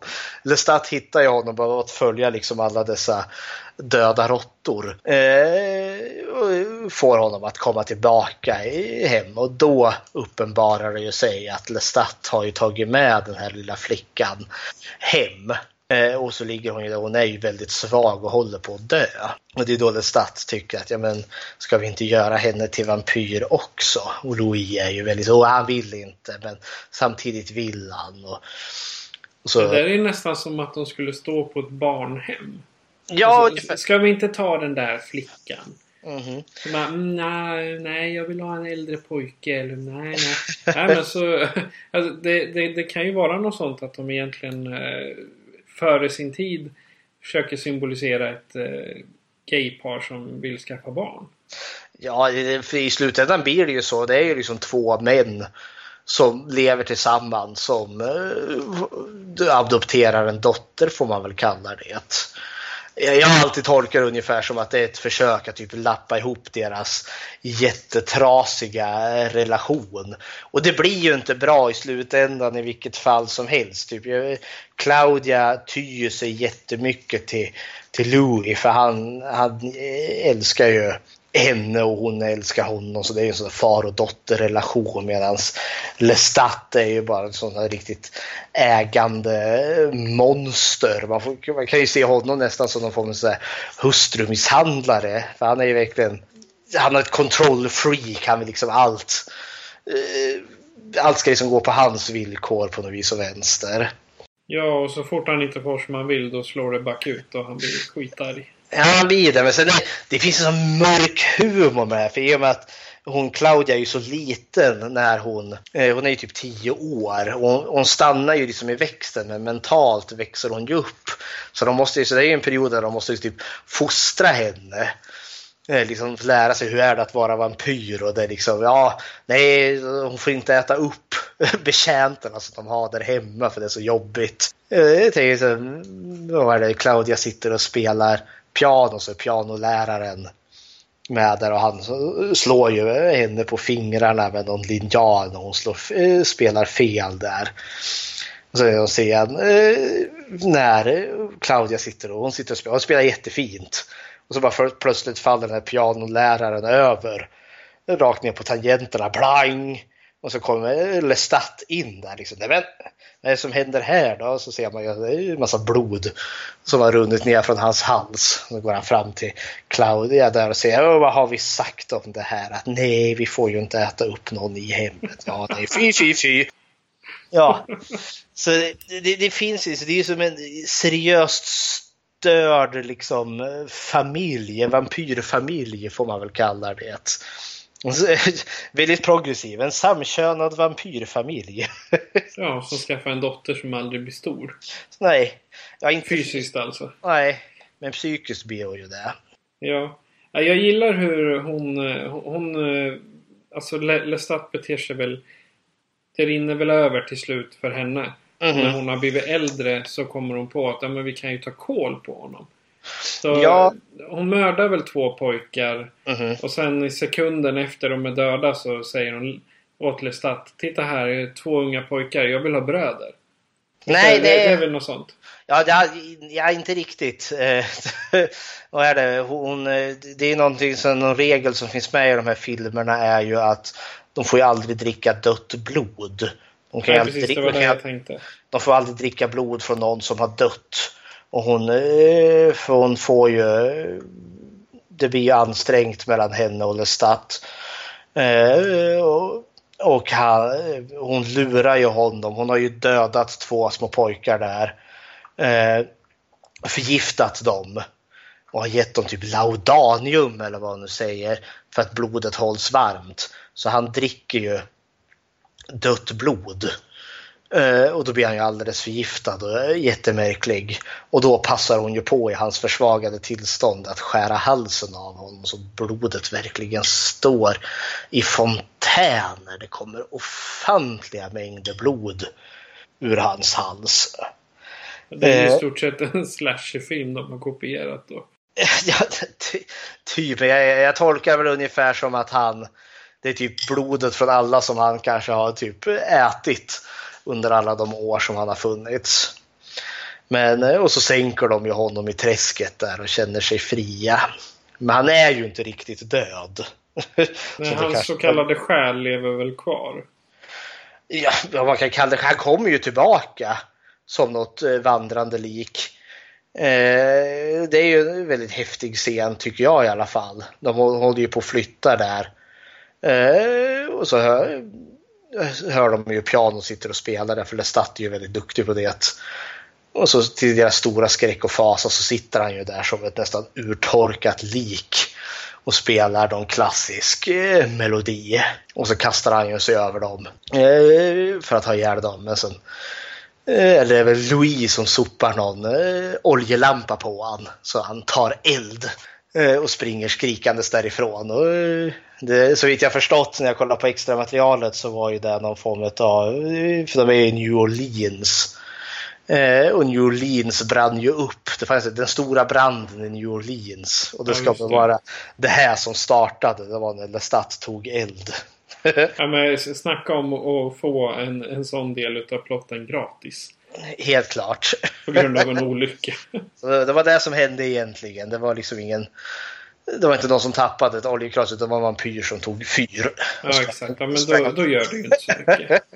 Och därefter sticker de ju till, eh, till, till Europa. De är ju de är på jakt efter att hitta andra vampyrer. För de undrar, är de ensamma eller inte? Och det är ju där de träffar då Armand, Antonio Banderas eh, vampyr och hans vampyrsällskap i, eh, i Paris är det väl, den här teatern. Ja, just det. Eh, Det är väl där Banderas kommer in då. Jajamensan, han är ju ledaren för det här gänget. Eh, och han är ju i sin tur väldigt... Det känns som att, jag, jag tolkar det som att Louis har liksom blivit sin egen person. Man kan se det som att det, det var den slutgiltiga skilsmässan han och Lestat när han sopade oljelampan i huvudet på han. Ja, precis. Men- Ad advokaterna gjorde klart pappret. Jajamän. Och sen eh, träffar han ju, han är, han är på jakt efter någon ny form av läromästare. Eller någon att kunna dela det här livet med. Och så träffar han ju då som sagt Antonio Banderas eh, vampyr. Och så uppstår det någon, någon form av början till försök utav kontakt dem sinsemellan. Men sen är det ju något som är strängt förbjudet inom vampyrvärlden. Det är ju då att döda en annan vampyr. Och det är så att vampyrgåvan är ju så olika från vampyr till vampyr och vissa av de här kan ju tydligen läsa tankar. Och det är ju någon av det där hemska sällskapet utav teatervampyrer då som läser Louise tankar vid något tillfälle där han tänker på just Lestat och vad de gjorde mot honom. Och då ser de det som någon form av ursäkt att utkräva någon fruktansvärd hämnd på dem. Ja. Och, det, är då de beslutar sig för att Louise ska muras in levandes och Claudia stänger de ju in i ett torn som inte har något tak till sig. Så att när solen kommer upp då kommer den att träffa henne och bränna henne till aska. Och det var där som min favoritscen dyker upp. När Louis äntligen tar sig ur den där kistan. För att ja, hitta sin dotter får man väl kalla det. Och så ser han att hon var ett askstod. Det tyckte jag var väldigt kraftigt. Ja. Allt direkt när man, när, när man ser den där att en sätter dem i ton och en murar dem in. Då Mm. kommer jag ju tänka på hon Elizabeth Berkley. Ja, hennes, eh, hennes eh, slutgiltiga, vad som händer. De murar in henne fast eh, i ett torn bara. Ja, och det måste ju vara fruktansvärt för det, han, han skulle ju aldrig dö. Han skulle ju vara eh, verkligen fast i evig tid. Det är ju Fast fasansskräck. i, fa- fast i evig hunger blir det väl då. Ja, jo. Han lär ju liksom bli mer monstruös, tänker jag. För de verkar ju förlora sin mänsklighet vart, ju längre de låter bli att dricka blod. Ja. Jag satt och läste lite såna här roliga, roliga fakta och Mhm. eh, Oprah Winfrey skulle faktiskt intervjua Tom Cruise om den här filmen. Jajamän. Hon hade fått gått på den första screeningen men hon lämnade mitt i filmen. Ja, jag, ja efter det, det kommer jag också ihåg. Jag lyssnade på extra materialet som har på Blu-rayen. Eh, också att det, det var tydligen lite snack om den här filmen innan och det var väldigt många som var upprörda för att den var för våldsam och så hemsk och, eh, och allt det där. Så, eh, och jag tycker visst den är våldsam men jämför, jämför med andra filmer så finns det betydligt våldsammare tycker jag. Ja, särskilt vid den tiden i och med att det var, det var inte långt därefter som Scream kom. Nej, det är sant. Den gjordes ju 94 och Scream kom 96 tror jag. Och Brad Pitt han eh, såg inte ut som han gjorde bara för att. För han var verkligen eh, nere. I, eh, alltså psykiskt under den här tiden. Jaha. Han hade en mörk period. Mhm. Uh, ska se, han, han vart intervjuad av Entertainment Weekly. Då, då sa han så här. I am miserable. Six months in the effing dark. Eh, och så han, han gillade inte att spela bitch roll så då... Ja, han, han, han, han var verkligen i huvudet den, den som är nere som Louis är. Ja. Han behövde inte spela så mycket av det där dystra. Nej, Louis är ju verkligen alltså, den plågad karaktär. Alltså, han spelar ju verkligen ett offer i stort sett. Och han är ju väldigt passiv. Alltså, Louis är ju liksom utsatt för Lestat. eh, Som får man se som typ besatt eh, älskare får man väl, kan man se som Louis. Ja, men som den här extremt svartsjuka hustrumisshandlar som oh, vart, vart, har, du- vart, du, eh, vart har du varit och varför är det som kräver typ total kontroll över någon. Och han, är ju, och han är ju så förrådd för det är ju precis det som händer sen med Antonio Banderas karaktär för Armand är ju också på något vis och vänster ute efter Louis och Louis sällskap. Så jag vet inte, det är någonting med Louis som tydligen är helt oemotståndligt för äldre vampyrherrar. De kan liksom bara inte låta bli honom. Stackarn. Ja, ja, men så, så läste jag också att Anne Rice, alltså författaren, hon tyckte att eh, Rutger Hauer var den perfekta, så att säga, den, den perfekta för att spela Lestat. Ja, och jag kommer ihåg det. Eh, hon var väldigt onöjd med att eh, Tom Cruise skulle vara Lestat. Hon var så anti det hela tiden. Nej usch, han är helt fel person. Men sen efter att hon hade sett filmen så var hon väldigt nöjd. Ja, jag menar han, eh, Rutger har ju ändå ganska fin, eh, ska man säga, en ganska fin lista utav filmer som han har varit med i. Bland annat Buffy, så han fick ju vara med i en vampyrfilm. Jajamensan. Och, ja, så, men eh, jag, jag tycker nog hon ska vara nöjd med Tom Cruise. Så här i efterhand. För hade, han, hade de satt in honom då hade det mera sett ut som att Ja, typ Leatherface som eh, vampyr. ja, det, men hon har väl sagt i intervjuer också att hon, hon tillhör väl bland de få skaran utav författare som har fått sina böcker filmatiserade som genuint tycker att de är nöjda med filmen. För ja, jag, jag har inte läst boken så jag kan inte riktigt uttala mig hur pass lika de är eller inte. En annan rolig sak var att eh, studion, alltså Paramount, de hade innan eh, Tom Cruise så tänkte de på John Travolta som Lestat. Ja, ja, ja, se där. Ja, fast Ja, det var- nej. Han har inte rätt ansikte för det. Nej, jag, jag tycker Tom Cruise gör en fantastisk roll som den här väldigt dekadenta eh, vampyren men som också är väldigt ensam tolkar jag det. Det är det som är, gör den här filmen så bra tycker jag och annorlunda egentligen. Eh, för det här är ju en eh, film där, vi, alltså där vampyrerna faktiskt är huvudpersonerna. Du följer vampyrerna och deras öden och äventyr och de är genuint onda personer. Eh, så, och visserligen Louis han brottas med sin mänsklighet och han har svårt att döda folk men liksom det, det, det, är en väldigt mörk, mörk, mörk film.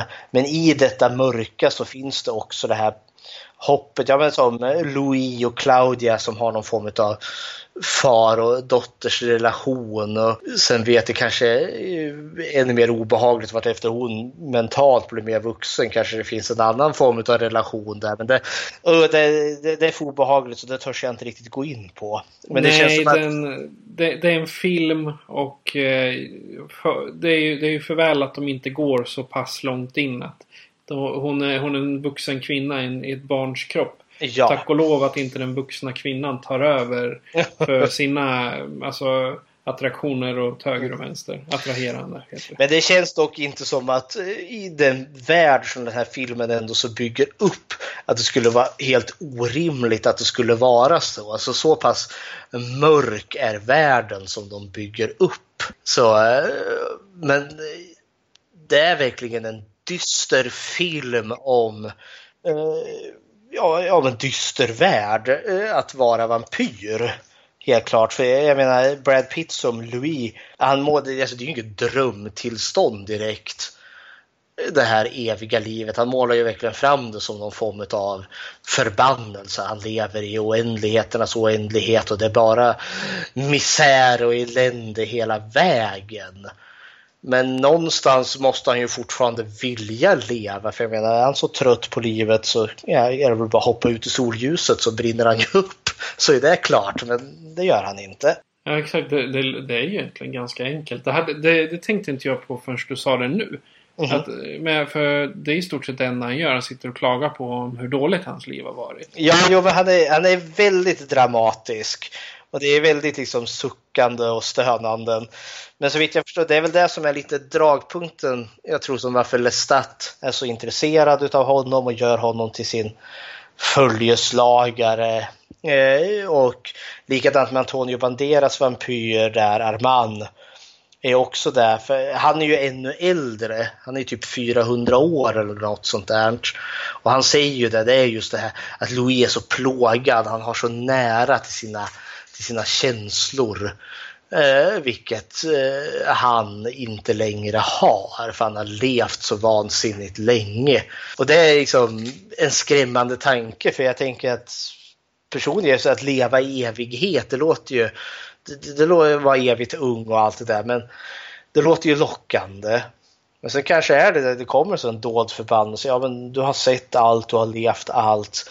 Livet blir tråkigt och innehållslöst. Exakt och samtidigt då du kan ju aldrig få några säga, vänner som är livslånga vänner för de dör ju före dig förr eller ja. senare. Och är det inte så att de dör av ålder så finns det ju risken att du har ihjäl dem för att du blir övertagen av den här blodshungern. Exakt. Så, ja, kära någon. Det är, det, är en, det är en intressant granskning i, eh, i, alltså egentligen i mänsklighet också. Vi, vi vill leva länge men samtidigt så, så vill vi inte bli ensamma. Nej. Jag hade också så lite så rolig nördfakta. Som jag Låt hittade. höra.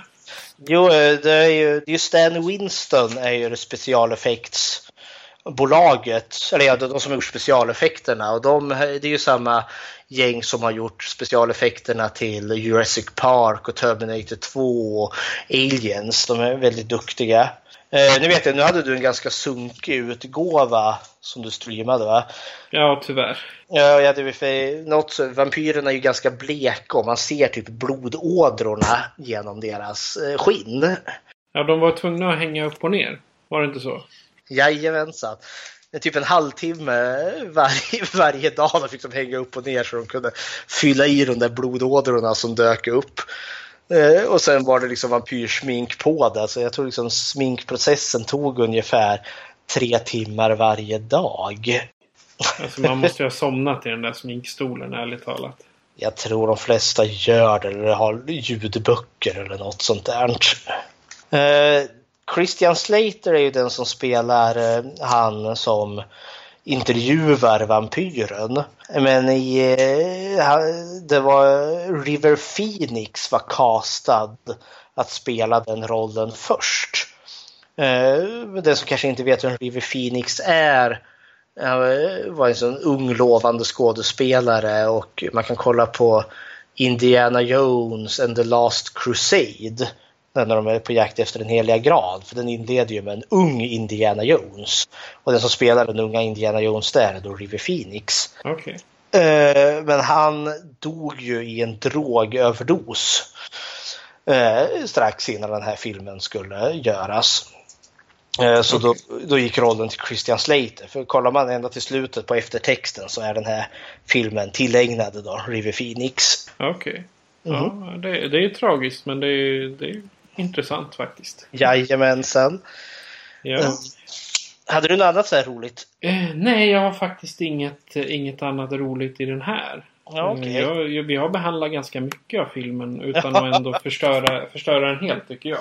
Ja, jag, jag har nog spoilat det mesta, ska jag villigt erkänna. Men det är, det är en 24 år gammal film och då, då får det. man spoila. Men det, det, är en sak att höra oss sitta och bubbla om det. Det är en helt annan sak att se den och framförallt med den här fantastiska musiken som Exakt. är där, för det är en riktig upplevelse.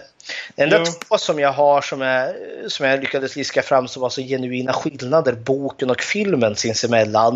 Eh, det är att i boken så är Louis tydligen självmordsbenägen för att det är hans bror som har dött, inte hans fru och barn. Mm, på film passar nog inte det riktigt. För en familjemedlem, visst, de, de försvinner ibland men det är mera, jag ska säga, bitande att det är en fru. Ja, men jag tänkte det också för när jag hörde det, var det hans bror som gick och dog. Inte för jag visst, jag älskar min egen bror väldigt mycket men det, det, det, mm, jag vet inte om jag skulle bli självmordsbenägen om han gick och dog. Det beror på vilken relation man hade innan. Ja, jo, det är förstås. det kanske var hans allt liksom. Ja, jo, det är också sant, så jag ska inte säga några dumheter här. En annan stor skillnad tydligen är att i, i boken där efter att eh, Claudia dör där brinner upp i solljuset Eh, I filmen så sticker ju Louis iväg med Armand där. Eh, och sen eh, känns det som att de går på något museum och sen dumpar Louis honom där. Fuck you, nu sticker jag. Så det känns som att det typ sker typ inom loppet av 24 timmar. Men i boken så har tydligen Louis och Armand, de hänger ihop i några typ decennier. Innan han slutligen kommer fram till att Armand kan ta sitt pick och pack och dra. så, så det var en viss skillnad. Sen fanns det typ en deleted scene som aldrig dök upp. I slut. För det... För efter att eh, jag menar, Louis och Claudia får också en liten lätt ansträngd relation. Eh, när hon vill få reda på hur vart hon till. Eh, och så berättar ju Louis hur han hittade henne hos sin döende mamma, eller sin döda mamma där och vad han och Lestat gjorde och så blir hon jättearg eh, och skriker och skäller på honom. Så sticker han ut och tjurar och grinar som han alltid gör i den här filmen. Och så sticker han tydligen då till en kyrka där han ska bekänna sina synder för en präst. Eh, och när han gör det så prästen blir alldeles förfärad och så blir Louis arg och äter upp prästen tydligen. Och typ eh, lägger hans blodiga lik eh, på kyrkaltaret där nedanför eh, korset på Jesus. Men det kom de fram till att nej, vi skippar det då. Vi behövde inte mer dramatik än vad som redan fanns tydligen. Nej, det, det, det, kan jag hålla med om. Det, det blir för mycket. Alltså det, det, är ju trots allt en monsterfilm och inte en eh, alltså drama, dramafilm med Hugh Grant. Nej, det är så, det är så sant. Jag säger Hugh Grant och han, han, han spelar väl Wolverine dessutom. Ja, det gör han. Ja. Eh, eh, men han, han... Jag, förlåt. Nej, nej, du. Fortsätt. Eh, det andra jag tänkte jag ville verkligen nämna det är just Kirsten Dunst som eh, vampyren Claudia där. Eh, För jag tycker att hon gör en jättefantastisk rollprestation för sin ålder. Eh, Jag jag såg det här Neil Jordan. Han eh, ville verkligen ha in, han måste ha in någon barnskådespelare som har genuin erfarenhet eftersom att rollen som Claudia kräver ganska mycket ändå. För jag menar, jag vet inte hur gammal hon var då, men hon ser ju ganska ung ut. Tio år. Tio Hon år står det på... Ja, jag ska se här. Hon fick ju sin första kyss där säger hon. Har hon sagt i alla ja, intervjuer. Ja, precis. Det är jättekul. Mhm. Eh, Den, vad, vad sa jag? Den, den kom eh, 94. Ja, 94 är den gjord. Jag ska titta när hon är född då. Hon borde ju vara någonstans där 80-talet. 82 är hon född, så hon var 12. Ja, ja för det, det, det är ganska imponerande ändå för en 12-åring att spela som hon gör. För jag, jag, jag är ju genuint övertygad om att hon går liksom från barn till att jag verkligen blir ja, ett, en vuxen fast i en barns kropp. Sen, för i slutändan är hon ju minst 100 år gammal innan hon möter sitt öde. Ja. Eh, Det, ja, men nej, det, det, det här är en genuint sevärd film och jag tror många skräckfilmsentusiaster har säkert redan sett den här. Men den, har, har du inte sett den så ser den. Och, och har du sett den så ser den igen. Ja, Den är exakt. värd, att se. Ja, exakt. Och gärna om man, om man ser typ en Blu-ray-utgåva. Dels för man kan höra kommentatorspåren. Mhm. För det har, det har inte jag varit vä- välsignad med att få göra ännu. För, Nej, jag men- hade, jag hade kommentatorspår på eh, min utgåva och det är ju Neil Jordan. Och han, men han- han är ganska intresserad ändå för han kommer med liksom intressant fakta. Eh, Så är väl värt att lyssna på det också. Ja. Eh, Ja. Då så. Nu har vi gått igenom en vampyrsbekännelse. En, jag tycker vi, vi täckte ganska mycket för vi har pratat nästan 50 minuter. Det är Ja, väl bra för att, eller det är lite för att vara oss egentligen. Men I alla fall till den här filmen. Det har varit väldigt mycket tugg innan här om Ja. de historiska vampyrerna. Jo, men alltså det är ju en del hur, hur man kommer in till det här. För utan de historiska vampyrerna hade ju inte en vampyrsbekännelse kunnat existera. För vi hade Nej, inte haft de moderna vampyrerna så att Mm. säga. Och jag menar, det, det är din expertis med vampyrer. Yay! Så är det va vampyrvärld också. Du är inte bara skräckfilmsvärld. Ja, jag, får, jag får många epiteter på min CV. Ja, precis. Du får börja skriva ett CV sen skicka ut till olika arbetsgivare. Vampyrexpert och bara, det är mina meriter. Mhm. Ja, det, det blir spännande att se. Jag kanske undviker att skicka det till inför präst, prästvigningen som jag hoppas att jag får ta någon gång i framtiden. Ja, precis. Ja, men då, då får du en sån här tilläggskurs. Jag får väl gå- Vampyrjägare. ja, ju. Jag får väl gå som epiteten skräckfilmsprästen eller något sånt där. Ja, du, vilken häftig grej. Mhm. Det, det är en underbar film och nu har vi spoilat jättemycket så vill du se den, titta med kritiska ögon. Och till nästa gång då, om ungefär två veckor, så har vi tema varulvar är det tänkt. Um, ännu en slags monster kan man väl säga. Så jag tänkte Fredrik, vilken film ska vi se? Eh, Den film vi kollade på då var The Howling från 1981. Så utmärkt. Den, eh, den har inte jag sett. Det, det är fantastiskt att du, lyckas, eh, att du lyckades välja filmer i början som Mhm. jag inte har sett ännu. Och den här tror jag inte det finns någon remake på heller. Ja, det är ganska skönt. så du har inte kunnat se den heller. Nej. Då så, det var allt för den här gången. Och jag tänkte vi skulle avsluta med eh, låten som Guns N' Roses kör, Sympathy for the Devil. Och den är ganska häftig för det är Mick Jagger. Han är en del utav den som har skrivit den. Så att, eh, ska vi säga adjö till våra trevliga lyssnare. Det ska vi väl göra. Tack för att ni lyssnade. Hej då! Hej då!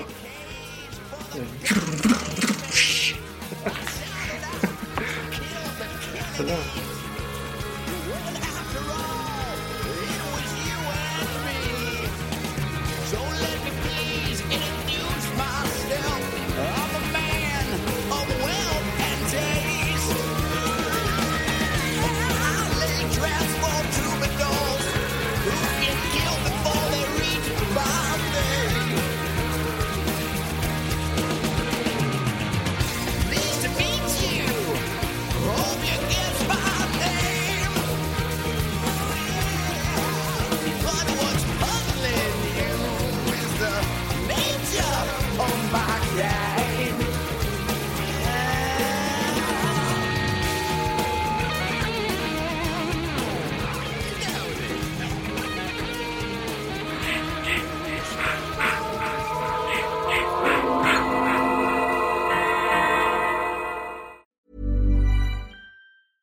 Planning for your next trip?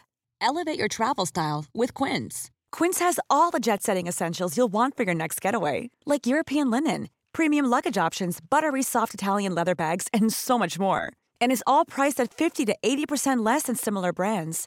Plus, Quince only works with factories that use safe and ethical manufacturing practices.